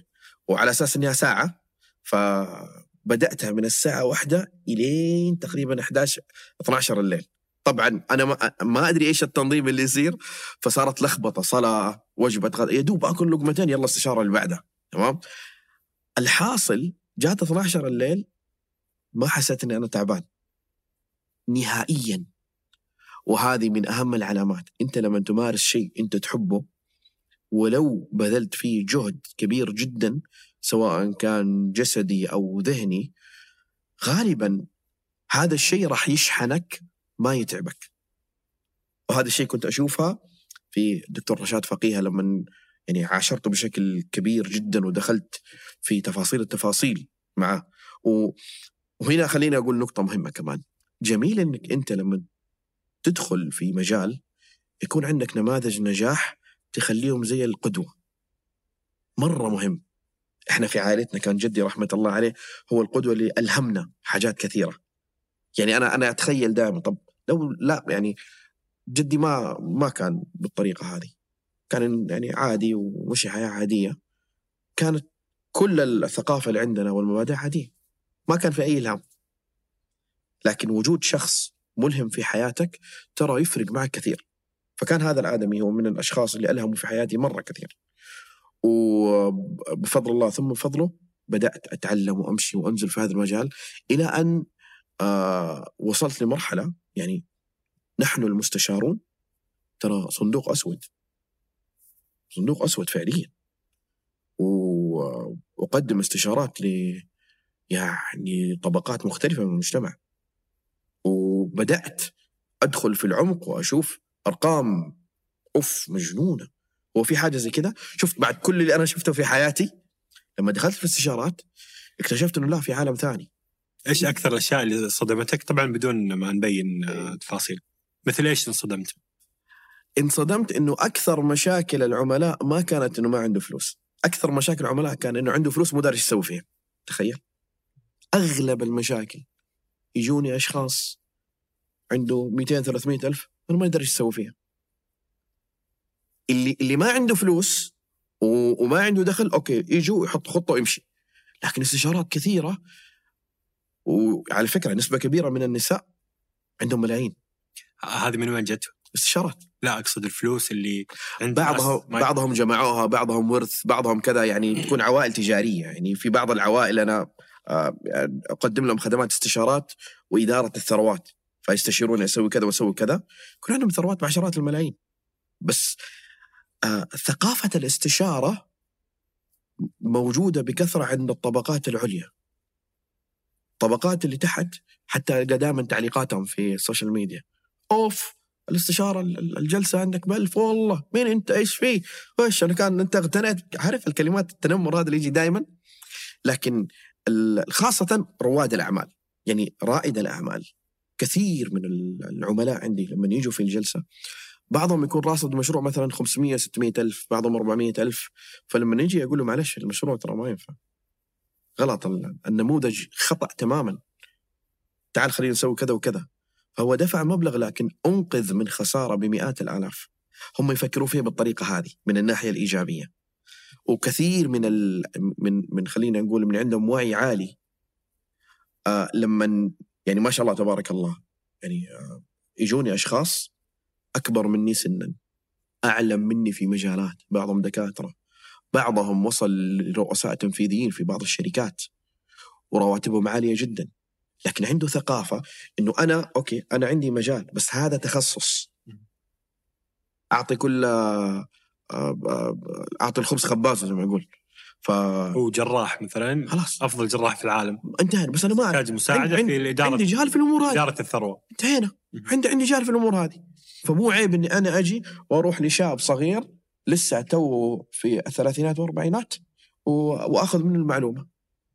وفضلا من الله النتائج تكون كويسة عليهم. فيدعي لي وكذا. هذه الدعوات بالنسبة لي كانت تسوى أكثر من كل الفلوس. ليش أنا حطيت الجلسات بفلوس ترى في سبب. في البداية خليتها مجانا. إنه يجلس يتكلم. جوني أشخاص من من فئات غير مستهدفة. وما استفادوا من الجلسات نهائيا. بس مجرد يبغى يتكلم ويمشي. فحسيت ضيع لي وقت.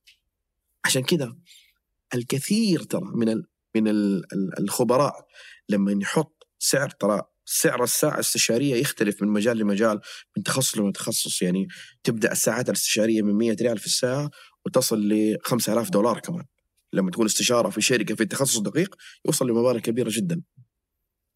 فوضعت المبلغ عشان أسوي فلترة بس. ليس الهدف إني أنا أجمع فلوس لا. الهدف إني أبغى قد أبغى, أعيش هذا الشيء. أنا عندي ال- ال- الدخل من البزنس اللي كنت مسويه والأمور. هذا اللي بسألك عنه. الآن معظم الفقراء طيب نظن أن مشكلتنا هي الفلوس وإذا صار عندنا دخل معين خلاص سنرضى. أنت صار عندك هذا الدخل قاعد تبيع رز وأمورك طيبة. ليه ليش تبغى شيء ثاني أصلا؟ آه قلت لك حاس إنه مش هذا الجو اللي أنا أبغاه. موضوع الرز والأواني مو مو مو هذا جوي. في في في حلقة مفقودة كانت. لما وجدت هذه الحلقة ركزت عليها. ما هي فلوس. ما هي فلوس لا لا ما هي فلوس. في قيمة مختلفة تماما.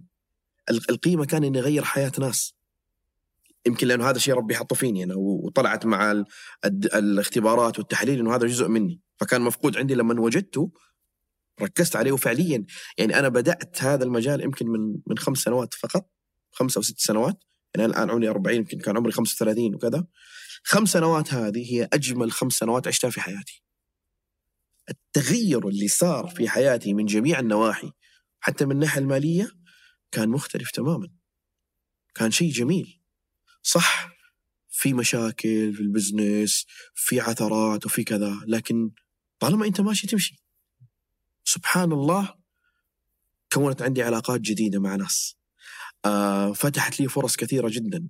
ساعدت في تأسيس شركات. يعني آخر ما أنا أنا فرحت يعني بشكل جميل إنه واحدة من الشركات اللي أنا كنت دائما آه، معها من البداية في مجال في العقارات ما شاء الله تبارك الله وصلت لرأس مال فوق ال 300 مليون. وإحنا بدأنا برأس مال 4 مليون و5 مليون. أتشرف انه أكون أحد أهم المستشارين معهم إنه ليش كل شهر نجلس مع بعض؟ لا سوي كذا تكون سوي كذا. طب هذا خطأ. طب عارف؟ هذه وظيفة المستشار إنه يوجه.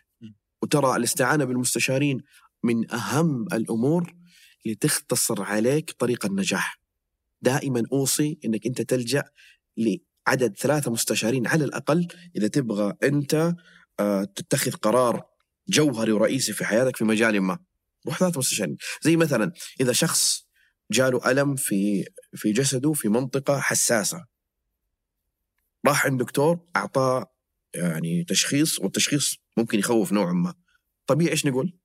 روح عند دكتور ثاني يشخص وثالث ورابع وخامس إلى أن تطمن. هذا الشيء اللي أنا أقول. اللجوء للمستشارين من أحد أهم أدوات النجاح. والآن الحمد لله الثقافة صارت منتشرة تماما هنا بشكل كبير. كيف أتأكد إن المستشار اللي بلجأ له مؤهل؟ أول شيء تحاول تبحث عنه غالبا عنهم موجودين في ال social media. حاول شوف هل هذا الآدمي له نتائج ما له نتائج. كيف؟ وهنا سؤال ممكن مهم متى نقول على هذا إنه صار مستشار؟ كيف أقول هذا مستشار؟ هل هل موضوع الاستشارات هو مجرد ورقة ترخيص وخلاص؟ وجهة نظري أنا الشخصية لن تصل لمرحلة مستشار يا أبو ملك. إلا عندما يكون عندك رصيد ممتاز جدا من الممارسة العملية إلى جانب التأسيس النظري. لما تكون مارست عمليا وغالبا في هذه الممارسة يكون فيها نجاح وفشل فأنت ستتعلم بالطريقة الصعب. فيكون عندك عاطفة أنه أنا ما أتمنى أحد يوصل لنفس المواصيل هذه. وصار عندي خبرة. وما أبغى أنك أنت تمشي بنفس الطريق وتخسر ولا يصير عندك فشل. لا خلاص أنا أوجهك وأعطيك الخبرة. يصير بدل ما أنت تمشي ثلاث سنوات وتوصل لهذه النتيجة يعني نتكلم مثلا في موضوع النجاح بدل ما توصل للنتيجة هذه أنا أعطيك الخبرة هذه من أول سنة ممكن تحققها. هذه فائدة اللجوء للمستشارين إنك أنت تختصر على نفسك سنوات النجاح. روح اسأل عنه آه شوف السوشيال ميديا. هل الكلام اللي اللي هو قاعد يقوله والمعلومات اللي هو قاعد يقولها منطقية؟ واقعية. أنا أحب أنا مدرستي الواقعية. في ناس مدرستهم التنظيرية. شأنهم. فإذا أنت تبحث عن حلول واقعية شوف المستشار هذا هل يعطيك حلول واقعية ولا لا. أي مستشار ثاني مثلا أنت تبغى حلول تبغى تبغى مستشار يبدأ يخترع لك في موضوع الأفكار في جانب ما. شوف نتائجه شوف إنجازاته. هل هو يعرف يسوي هذا الشيء ولا ما يعرف يسوي؟ جميل. آه تشوف نفسك مستشار للأبد؟ بإذن الله إلى الممات. خلاص هذا هو طريقي هذا هو الشيء اللي أنا أحبه هذا رسالتي في الحياة يعني لا أتخيل إني ممكن أنا يمر علي أسبوع وما أتكلم مع شخص 1 تو 1 وأحاول إني أغير حياته للأفضل واحل مشكله. وهذا لقيته بعمر على نهاية الثلاثينات؟ شوف أغلب التجار اللي أنا عاشرتهم ترى يعني القفزة في حياتهم كانت في الثلاثينات. يعني لو نجي الشباب اللي في الجامعة اللي في العشرينات نهدي اللعب. دا لا لا شوف. المرطيبة في العشرينات إذا كانت تتكلم على توصية التجار دائما اللي أنا كنت أسمعها منهم. العشرينات العب. كيف يعني العب؟ مو مو العب يعني آه انغمس في اللهو لا. العب لأنك إنك أنت تتنقل. جرب جرب جرب جرب جرب جرب جرب جرب. أكثر من التجارب في العشرينات. بس لا يجي عليك الثلاثين إلا وأنت مختار. انتبه. تيجي ثلاثين وانت ما انت مختار إيش مجالك. إذا تبغى نتائج كويسة في الخمسين. تبغى ملايين؟ هذه الخطة الحلوة القاعدة اللي كانوا تجار يقولوها وآمنوا فيها. العشرينات العب وجرب زي ما تبغى. ثلاثين ثلاثينات اركز. ركز على وظيفتك مهنتك أو تجارتك. ركز فيها. ابدأ. حاول إنك أنت تطور تنمي تمشي. لا تجي الأربعينات إلا وأنت المجال خلاص عندك مستوي عشان تروح للقفزة الأفضل والأجمل. عشان كذا ترى كثير من الأثرياء بدأت حياتهم ترى بعد الأربعين. إحنا زمان وإحنا صغار كانوا يقولون لنا الأربعين كبار الأربعينين كبار. لا لا لا لا. ترى جمال الحياة بعد الأربعين. إذا أسست صح. وإذا استعجلت؟ استعجلت كيف؟ إذا يعني معظم اللي قاعدين يسمعون الآن هم أظن 30 أو تحت. فترى في ضغط إنك يلا أنت عمرك 27 28 30 ممتاز لازم تقفل بل الأمور أنا أنصح أنا أنا أنصح إنك أنت أو, أو أنصح الآباء إنه علموا أولادكم من عمر ال- العشر سنوات 15 سنة. أنا ولدي يحيى الآن أنا شايف إنه هو عنده توجه دائما للأمور التقنية، من الآن قلت له يلا سوي. وإذا سوى إنجازات أكافئه عليها. لأنه تخيل تخيل إن هذا الشخص من يوم ما عمره 15 هو عارف إيش يبغى يصير. عارف إيش يبغى يصير. وهذا المثال نشوفه كثير في لعيبة الكورة. من يوم ما هو صغير كذا قزم وهو عارف خلاص جو كورة جو لعب وكذا هذا لما يكبر إيش الإنجازات اللي ممكن يسويها؟ يكون عدى المراحل بكثير غير لشخص عايش المرحلة حق رونالدو لما كان في سن 15 عايشها في عمر ال 30 طيب هو الإجراء نفسه ترى حيبدأ يمارس هذا الشغف ويمارس. ساعات الممارسة عند هذاك حتكون أكثر فبالتالي يكون أكثر خبرة. فإذا استطعت إنك أنت تكتشف ذاتك من البداية وتبدأ تسلك الطريق فافعل. لأنه شوف يجوني بعض ما شاء الله تبارك الله بعض ال- الشباب يعني يكونوا في 16 17 18 ويحجز استشارة. ما شاء الله تبارك الله من وعيه ووعي والديه. أول ما أبدأ ما أقول اولا يعطيك العافية وأحييك وأهني أهلك على هذا الشيء. انه عنده الوعي عالي. تخيل إن هذا الشخص في هذا السن لما يكتشف إنه أنا بعد 30 سنة في هذا الوقت حصير مليونير. ويحط خطة ويضبط أموره ويبدأ يتعلم. يوصل في ال 25 ووعي وعي تاجر في الأربعين. طبيعي. ولا بأس أنه يمارس. تبغى تجارة؟ ما في مشكلة. بس القضية ممارسة. فلما تزيد ساعات الممارسة في المجال قطعا النتائج في الثلاثينات تكون مبهرة. إذا قدرت اللي يستعجل ويكون متهور هذه مصيبة. بس اللي يستعجل ويكون على خطة وعلى دراية وعلى منهج أهلا وسهلا. يجوني أشخاص أنا أقول دائما بداية العشرينات. يمكن يجي سنة سنتين يكتشف مجاله ويبدأ خلاص حتى بعضهم يكونوا في الجامعة. أقول له لا تخرج من الجامعة. روح اشتغل دوام مسائي في المجال هذا إذا أنت فعلا تشوف هو مجالك. بعضهم يعني البعض يجيني يقول لي عماد شوف أنا لما أدخل محل أثاث أنسى نفسي. أنسى نفسي. رجال ترى مو أتكلم على نساء يعني عندي نساء عندي كذا. فرجال يقول لي أنسى نفسي. هذا شغفي. ويقول لي أدخل في المولات من يوم ما أفتح المحل فجأة ألقى المحل قفل. أقول له هذا من الشغلات الحلوة إنه هذا شغفك. البعض يقول لي ألقى نفسي في الملابس. هذا في البداية بداية حياته. لما يأخذ الخطة ثلاث أربع سنوات يوصل 25 26 مستوي. وتلقاه دخل دخل ممتاز جدا وهو قريب الثلاثين. فليست العم ال- ال- ال- المسألة مرتبطة بعمر معين. المسألة مرتبطة. متى تقرر أنك أنت تكتشف ذاتك تكتشف شغفك وتبدأ تمارس؟ كل ما مارست أكثر عمليا. شوف مهما كنت خبير في مجال بشكل نظري فوجهة نظري أنا يعني خليني أقول مدرستي ال- الواقعية تقول أنه الجانب النظري يمثل 30% لن تكون خبيرا ولن تنجح بشكل مبهر إذا لم تكمل السبعين في المية الثانية اللي يكملها إيش؟ الممارسة. وهذا الشيء ترى ينطبق دائما على موضوع ال- الممارسات المالية العامة. الاستثمار، الادخار، مهما تعلمت من دورات زي ما قلنا إذا ما بدأت تدخر وتستثمر ما كانك سويت شيء. طبعا أنا كان هدف سؤالي أبغى أخفف من حماسة العشرينيين بس أنت جبت لي ناس عمرهم 17 حيصيروا تجار فما في مشكلة العشرينيين يعني يشوفوا لكم حل. ما عندي اعتراض ابدا من شخص يكون 15 16 17 إذا مشي بالطريقة الصحيحة. لكن لا يجي مثلا يعني بعض ال- ال- المراهقين مارس له شوية كذا بعض الأنشطة التجارية وقام ينظر على الناس ولا ولا ما ماني مع الشيء هذا. جميل. بس واحد في, في هذه المرحلة في أحلام كبرى. في حلم هذا المسار المهني والفلوس وكي كذا في حلم الزواج وتأسيس الأسرة وكذا وفي حلم البيت وبيت العمر. وهذا الاشياء وأنت لك كلام كثير عن موضوع آه، البيت وبيت العمر. كيف تنظر لهذا الموضوع في هذه المرحلة طيب خليني اذا كنت بقول لك ال- ال- القول الفصل والقاعدة اللي بإذن الله بعدها خلاص تعرف أنت إيش تختار. إذا أنت شخص يا أبو ملك عندك كاش يكفي لشراء البيت وعندك مصدر دخل كويس وما عليك ديون فاشتري البيت اللي انت تبغاه. حلو؟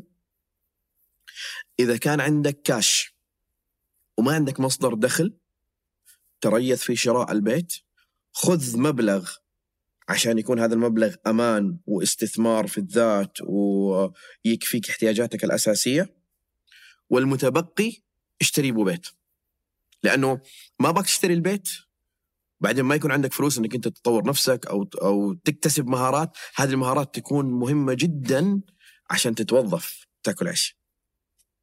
إذا كنت شخص عندك مبلغ كاش وعندك مصدر دخل لكن عليك ديون عليك بعض الالتزامات إذا كانت هذه الالتزامات مجدولة أمورك طيبة اشتري البيت وأمورك طيبة وكان في الأمان الوظيفي عالي فاشتري البيت وما عليك. إذا الالتزامات هذه ما كانت مجدولة وكان مثلا آه في ضغط عليك إنه لازم هذه الديون تسدد بعضهم يأخذ سلف وكذا وقرض فهنا نقول لا الكاش هذا قفل في هذه الالتزامات فإن تبقى للبيت فاهلا وسهلا ما تبقى للبيت كمل الايجار ترى مو عيب. إلى أن ترتب أمورك. حلو؟ هذا في حالة إيش؟ إذا كان عندك كاش بس مين عنده كاش أصلا؟ كثير عندهم كاش. جد؟ كثير عندهم كاش. أنا أنا أنا الآن أتحدث من الميدان. أتحدث من الم... كثير عندهم كاش. بعضهم ورث بعضهم جمع في حياته بعضهم يكون وصل ل 40 وعنده ك... كثير عندهم كاش تمام؟ نجي للحالة إذا كنت تبغى تاخذ ب... ما عندك كاش اللي هذا معظم الشعب حسب يعني علمي ما أدري ال- العملاء وضعهم. لا لا صحيح. اي بس يعني معظم النسبة الشعب ما حد عنده صحيح. 20 30 عمره عنده مليون ونص ولا مليون صحيح. 700 ألف كاش صحيح. جنب. صحيح. في هذه الحالة إذا أنت تبغى تأخذ تمويل وحصلت بيت طال عمرك وكان قسط هذا التمويل هو نفس أجار البيت توصية لك غمض عينك واشتري البيت. تمويل وكان القسط بنفس قيمة الإيجار على طول اشتري. هذا عبارة عن أصل ممتاز. وبإذن الله أمورك الوظيفية تكون طيبة هذا أهم حاجة. يعني نسبة الأمان في الوظيفة يكون عالي. لأنه أنت ما راح تقول لي تمويل وأنت ما عندك وظيفة. لا. تمام؟ أنا أفترض إنه وظيفة كويسة وأمانة عالي نيجي للحالة إذا أنت ما عندك كاش وتبغى تشتري بالتمويل وكان قسط هذا ال- البيت مثلا أنت قاعد تدفع في بند السكن كإيجار 3000 ريال. حلو؟ ولقيت بيت قسطه 9000 ريال. طب الفرق بينهم كم؟ 6000 بند السكن ثلاثة والفرق اللي تدفعه زايد 6000 ريال. إذا كانت هذه ال 6000 من فائض الراتب يعني مثلا أنت دخلك 20 آه، 18 إللي يكون وأنت مصروفات معيشتك 10000 مع السكن مع كله أو 12000 مع السكن مع كله ويبقى لك حول 6000 و7000 إذا كانت 6000 هذه من الفائض اشتري البيت وتوكل على الله ما عندك أي مشكلة. بإذن الله أمورك طيبة. أهم شيء يكون عندك ميزانية للالتزامات الشهرية وميزانية للطوارئ تقدر إنك أنت تغطي التزاماتك. تمام؟ الحالات التي آه تقع فيها المشاكل هي الحالة الأخيرة. تبغى تشتري تمويل وتبغى تشتري بيت قسطه عليك ب 9000 ريال. وأنت قاعد تدفع إيجار 3000 ريال. والفرق هذا ليس من فائض الراتب. يعني أنت راتبك 15000 بس ما يبقى من الراتب هذا في, في الأيام العادية الا 1000 ريال. إذا أنت شريت هذا هذا اللي أنا وصفته ببيت العمر المذلة. شوف الحالات السابقة كلها ما هي مذلة. ممتازة وأصل وشيء رائع وبإذن الله خمس سنوات عشر سنوات سعر البيت يتدبل. لكن هذه الحالة هي المذلة. إيش اللي يصير؟ من حالات عندي. وللأسف للأسف بعض التوصيات يعني قررنا إنه نقول بيع العقار عشان ترجع مرة ثانية للصفر. يكون أخذ العقار والفرق ال 6000 هذه أنت من فين حتسدها إذا أنت ما عندك آه، فائض حتاخذها إما من أكل أولادك أو من فواتير الكهرباء أو من مصاريف الترفيه أو من مواصلات. حتنقص في جزء من هذه الأجزاء. ففرحة البيت الجديد حتخليك مبسوط وكذا لكن بعد سنة سنتين ما تقدر تشوف مثلا أم ملك ولا ملك عندك تتعب وما هم لاقين حق الأكل جاتني حالات. عنده بيت ملك ما عنده بنزين سيارة. عنده بيت ملك ما هو قادر ياكل كويس. يقول لي خبزه ولبن وكذا. إيش أبغى بيت الملك إذا كان يعيشني في هذا الشيء؟ وعلى فكرة هذه القاعدة تنطبق مو بس على تمويل البيت على أي تمويل أنت تاخذ وإذا ما كان من الفائض غالبا تكون هذه النتيجة. بعد كم سنة تصير تعثرات وتعثرات وإيش اللي يصير؟ إنه بعد هذا التعثر جهة التمويل تقرر إنه تاخذ البيت منك. يؤخذ البيت. فتخيل خمس سنوات معاناة في النهاية أخذ البيت لا وزيتك من شعر بيت. عندما يباع في المزاد يباع غالبا ببخس الأثمان والفرق حتكمله أنت برضه. أوف. يس حالات كثيرة موجودة في المزاد روح اسأل عنها. أوف. هذه فقط إذا أنت سديت فرق البيت من مصاريف معيشتك وما كان من الفائض. طيب إذا قل لي عماد خلاص أنا قررت إني آخذ الشيء هذا حتى لو ما عندي فائض أقول لك لازم تلتزم من أول شهر انه يكون عندك دخل إضافي يزيدك آه، قيمة القسط وزيادة. إذا ما جبت ما زدت دخلك في الغالب النتائج تكون كارثية. وعلى فكرة جاتني حالات مو براتب 10 و20 حالات يعني واحد كان راتبه فوق ال ألف. وأخذ بيت بقسط عالي جدا. كان في lifestyle معين كان اولاده يدرسوا في مدارس خاصة وكان في شركة مرة كبيرة. اضطر إنه ينزل من ال lifestyle حقه كله. كان يسافر مرتين في السنة cancel السفر. أولاده وداهم في مدارس ثانية.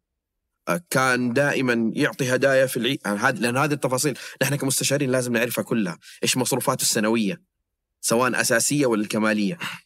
فكان قرار البيت لأنه القسط ما كان من الفائض أثر على ال lifestyle حقه كله. فجلس يصبر يصبر يصبر يصبر وجلس في تقشف الين قال يا ابني خلاص. أنا بروح عند المستشار وأشوف. كانت توصيه بيعه. البيت كان يسوى يمكن 4 مليون ينباع ب 3 مليون. ولما هذا براتب 50 لما كان راتبه 20 كان تلقاه عايش في شقة مثلا كويسة. إيه إيه. صار راتبه 50 بدل يعيش في شقة كويسة بالضبط. ويدخر ولا يستثمر هو بوف double double كل شيء. قال لك والله خلاص أنا عايش lifestyle كويس فال... فالقسط هذا ما راح يأثر علي. ما حسبها صح ماليا. وهذه مشكلة زيادة الدخل وزياده المصروف اللي تقريبا كل أحد يقع فيه. هي ثقافة. يعني أنا راتبي 7000 أصرفه كله بيصير راتبي 15 بصرفه كله بيصير راتبي 20 بصرفه كله بيصير راتبي 200000 يعني أعرف ناس رواتبهم جدا جدا جدا عالية وأنا وهم نفس الشيء. صحيح. يعني هي نفسها شوف هي هي هي اعتقاد اعتقادات وتعتمد على مرحلة الوعي. ترى أنت ممكن يكون عندك مليون ريال لكن أنت في وعي متدني. ممكن يكون عندك عشرة آلاف ريال لكنك في وعي عالي. اللي بينك وبينهم هو مجرد وقت وهذا حيصير مليونير وهذا حيصير فقريونير. هي كذا. ال- المسألة كذا. أنت عشان توصل لمرحلة مالية ممتازة القاعدة دائما أنه دخلك يكون أعلى من مصروفاتك. قد ما تبقي من دخلك أكثر كل ما استطعت أنك أنت تحقق أرقام أكثر و- وتعيش حياة كريمة. وعلى فكرة الثروة حياة جميلة جدا. فيها عقبات. خاصة اللي يدخل في مجال البزنس ترى تمر عليه عقبات وعثرات مرة كثيرة. عاشرت مشاكل مرة كثيرة. و- يعني شغلات أنا أنا أزعل لما حتى أتذكر وأتكلم عنك فيها. ولكن يجب أن تفهم طبيعة هذا المجال. طبيعة المال إنه المال لا يدوم. فهنا إذا أنت بتعيش في هذه الحياة هدفك بس أنا أبغى المال ترى أنت ممكن تدخل للجانب الشيطاني وجاتني حالات. يعني ما عاد يهمه المال يجيب حلال وحرام. أنت تستغرب سلوكه. طب ليش؟ هذا ما عنده قيم ومبادئ لا يقول لك لأنه هدفه المال. أنت ركز إنك تعطي الناس قيم وتعطي الناس شيء هم يحتاجوه يفيدوه المال سيأتي تباعا تلقائا. ولا تسأل عنه. جميل. فنرجع لورطة البيت عمر المذلة. إيه. في نصيحة حتى واحد من الشباب كان دائما يقولها يقول قبل لا تأخذ أي قرض شيله من راتبك شهرين. حلو. لا تأخذ القرض. القرض له 7000 حلو. شيل 7000 من راتبك. شوف. تعيش ب- كويس ولا لا؟ شوف كيف الحياة. بعدين أنا أقول ستة شهور. ست شهور. ستة شهور لأنه أحيانا شهرين أنت تقول لك تمشي شهرين. والله حتى ست شهرين ما. تمشي. بس يعني ممتاز. حتعرف من بدري. حلو هذا اختبار عملي. وهذا جمعه وحطه دفع اولى وانتهينا.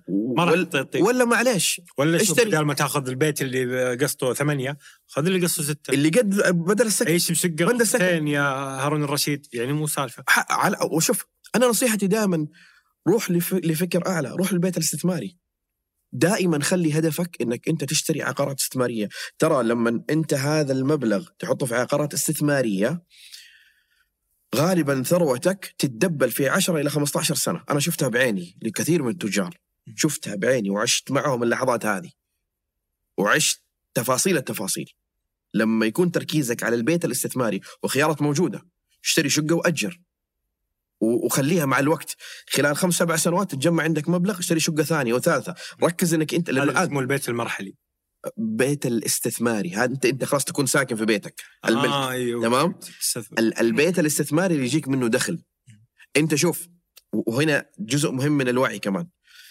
الشخص لما يكون موظف ويتقاعد حيكون عنده ضمان اجتماعي أو تأمينات أو تقاعد. هذه المبالغ اللي تجي من تقاعده هذه تضمن إنه هو حيكون عايش وماكل شارب بإذن الله ما يموت جوع. لكن لما إحنا نقول دائما حطوا في استثمارات حطوا في عقارات وحطوا في شغلات استثمارية مدرة للدخل هذه تضمن لك ثروة. هذه بإذن الله ما توصل لعمر التقاعد إلا وعندك دخل منها أكثر من دخل راتبك. حتى لو جلست في إيجار إلى عمر التقاعد لو أفترض شخص بدأ من عمر العشرين شقق استثمارية شقق استثمارية وشخص ثاني أخذ شقة سكنية وكلهم عشرين سنة.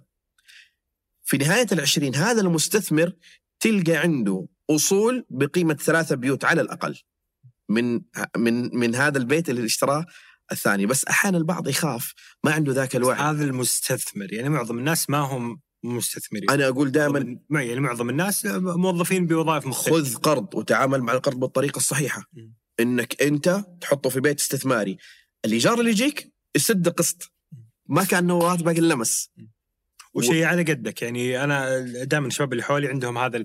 وأنا ترى عايش في شقه غرفتين وايجار حتى مو ملكي ما شاء الله. عشان لا يحسبوني قاعد أتكلم من فوق ومن من أنا مسكين. آه بس دائما الشباب اللي حولي يفاجئوني بتطلعاتهم. توك متزوج واللي عنده طفل واللي عنده طفلين ويبغى فيلا. فيلا. يعني أوكي أنت بطران عندك 15 مليون في البنك خذ فيلا الله يوفقك يعني. صحيح. بس توك عمرك 35 ولا عمرك 30 ولا توك واللي متزوج بياخذ لي شقة خمس غرف. إيش تبغى في خمس غرف؟ ترجع للوعي. هنا هنا هنا المشكلة إيش؟ مشكلة وعي ترى. فقط لما ما يكون عندك الوعي تكون هذه التخبطات وتشوفهم كثير. وعادي قدامك العمر يعني بعد سبع سنين ما شاء الله كبرت العيلة عادي. روح اللي بعده ما شاء الله صرت هذا تبغى فيلا ما شاء الله روح الفيلا اللي بعده بالعكس شوف إذا أنت بتتحدى نفسك تقول أبغى بيت عالي معلش قبلها ارفع لي دخلك وحلال عليك البيت. لكن أنت تبغى بيت أكبر من قدراتك ياخذ أنا أنا من تجربتي مع عملائي لما ندفع 50 إلى 60% من راتبه حتى لو هو كذب على نفسه وقال إنه هذا فايض تمام؟ ترى مبلغ مؤثر. أنت مع الوقت التزامات تكبر العائله تكبر التزامات تجي. مو حلو إنه أنا أقعد كل شوية أتصل على فلان سلفني سلفني سلفني. طب متى يرد؟ صعبة. فإذا قررت أن تخوض غمار هذا التحدي زيد دخلك. ما عندنا خيار ثاني. لا تسكت. أوكي أخذت القرار وخلاص لازم تزيد دخلك عشان لا يجوع أولادك. هذه توصيتي دائما في الموضوع ده. الله يحفظ الجميع إن شاء الله. اللهم ومن اللهم الفقر آمين. ومن العازه ومن ال- الحوج. وأنا أحس دائما يعني آه، فائده الفلوس الخيارات الأكثر. فأنا بالنسبة لي شخصيا يعني أحس كل ما آه، كان عندي خيارات أكثر في حياتي لوين آكل وين أشرب وين أطلع وين أروح وين أجي أنا أنا سعيد. حتى لو ما كنت مثلا عايش في بيت آه، أكبر أو أو مثلا فيلا أكبر أو آه، تملكت من بدري أو أو أو بالنسبة لي هذا هو هذا هو الثراء. شوف هذا مبدأ مهم. اللي نجي المبدا مثلا البعض يقول لك كوب القهوة. هل كوب القهوة سبب فقر؟ أنا أقول كوب القهوة من أهم ركائز بناء الثروات. تخيل. يجادلوا معي كثير. كيف يا عماد؟ ليش كوب القهوة؟ إن كان كوب القهوة هذا مبني على خطة واستراتيجية ففي الح... في الحقيقة أنت ما تروح الكوفي عشان تشرب قهوة. قهوة تقدر تشتري في بيتك. أنت تبحث عن لحظة سعادة. أنت تبغى طعم القهوة هذه مع الحلا هذا في اللحظة هذه في التوقيت هذا في المكان هذا. بالنسبة لك لحظة سعادة وهذا الذي يميز كثير من الأثرياء اللي آه اللي تحسه تعيس في حياته وسعيد. السعيد لحظات السعادة في حياته كثير. وهنا توصية مهمة. أنا ما أبغاك توصل للملايين وأنت متقشف وما عندك أي لحظة سعادة في حياتك. ترى تحس نفسك أنت ما أنت عايش. تدري هذا الاسلوب إيش يسوي؟ أول ما تجيك المليون تصرف أبوها كلها. ستنتقم من الفقر. أنت عشان تمشي في الطريق بخطة صحيحة كثر لحظات السعادة في حياتك. وهذا اللي يسووه ترى الأثرياء. بل إن بعض الأثرياء يوصل لمرحلة شوف هو طول حياته كان يعطي وياخذ. يعطي وهو متوقع إنه حيجي فلوس. ما في شيء بدون مقابل. يوصل لمرحلة يمل من هذا الشيء. تيجي بعضهم يقول لك خلاص لا يروح يسوي أعمال خيرية. حتى من ال- الغرب. مش من هنا. ليش؟ اكتشف معنى عميق في الحياة. إنه أنا أبغى أعطي وما أنتظر أي مقابل. هذه فيها سعادة. واو! سعادة رهيبة. إذا استطعت إنك أنت من الآن تكتشف في شيء تعطيه للحياة هذه بدون مقابل وما تنتظر المقابل ابدا وتبدأ إنك أنت تجرب هذا الشعور تحس فعليا إنك أنت عايش. هذا الشيء اللي أنا لقيته لما دخلت في مجال الاستشارات. فأنت لما تدخل في مجال شغفك وتمشي فيه بالطريق الصحيح حتوصل لهذا الإحساس. إحساس جميل جدا يعيشك حياة مرة حلوة. ويستحق الصبر والبحث. أكيد. يعطيك العافية. حبيبي. شكرا لكم. وشكرا لفريق مربع العظيم. عمل على إنتاج هذه الحلقة في الإعداد عبد الكريم العدوان. وفي التصوير عبد الرحمن العطاس. وفي الإضاءة إسماعيل شوقي. في التسجيل والهندسة الصوتية يوسف إبراهيم. في التحرير محمد الديني. وفي التلوين عبد المجيد العطاس وفي الإنتاج أيمن خالد. وفي إدارة محتوى التواصل الاجتماعي رفقة هليس فيعطيهم العافية جميعا وإلى أن نلقاكم الأسبوع المقبل بإذن الله. كونوا بخير.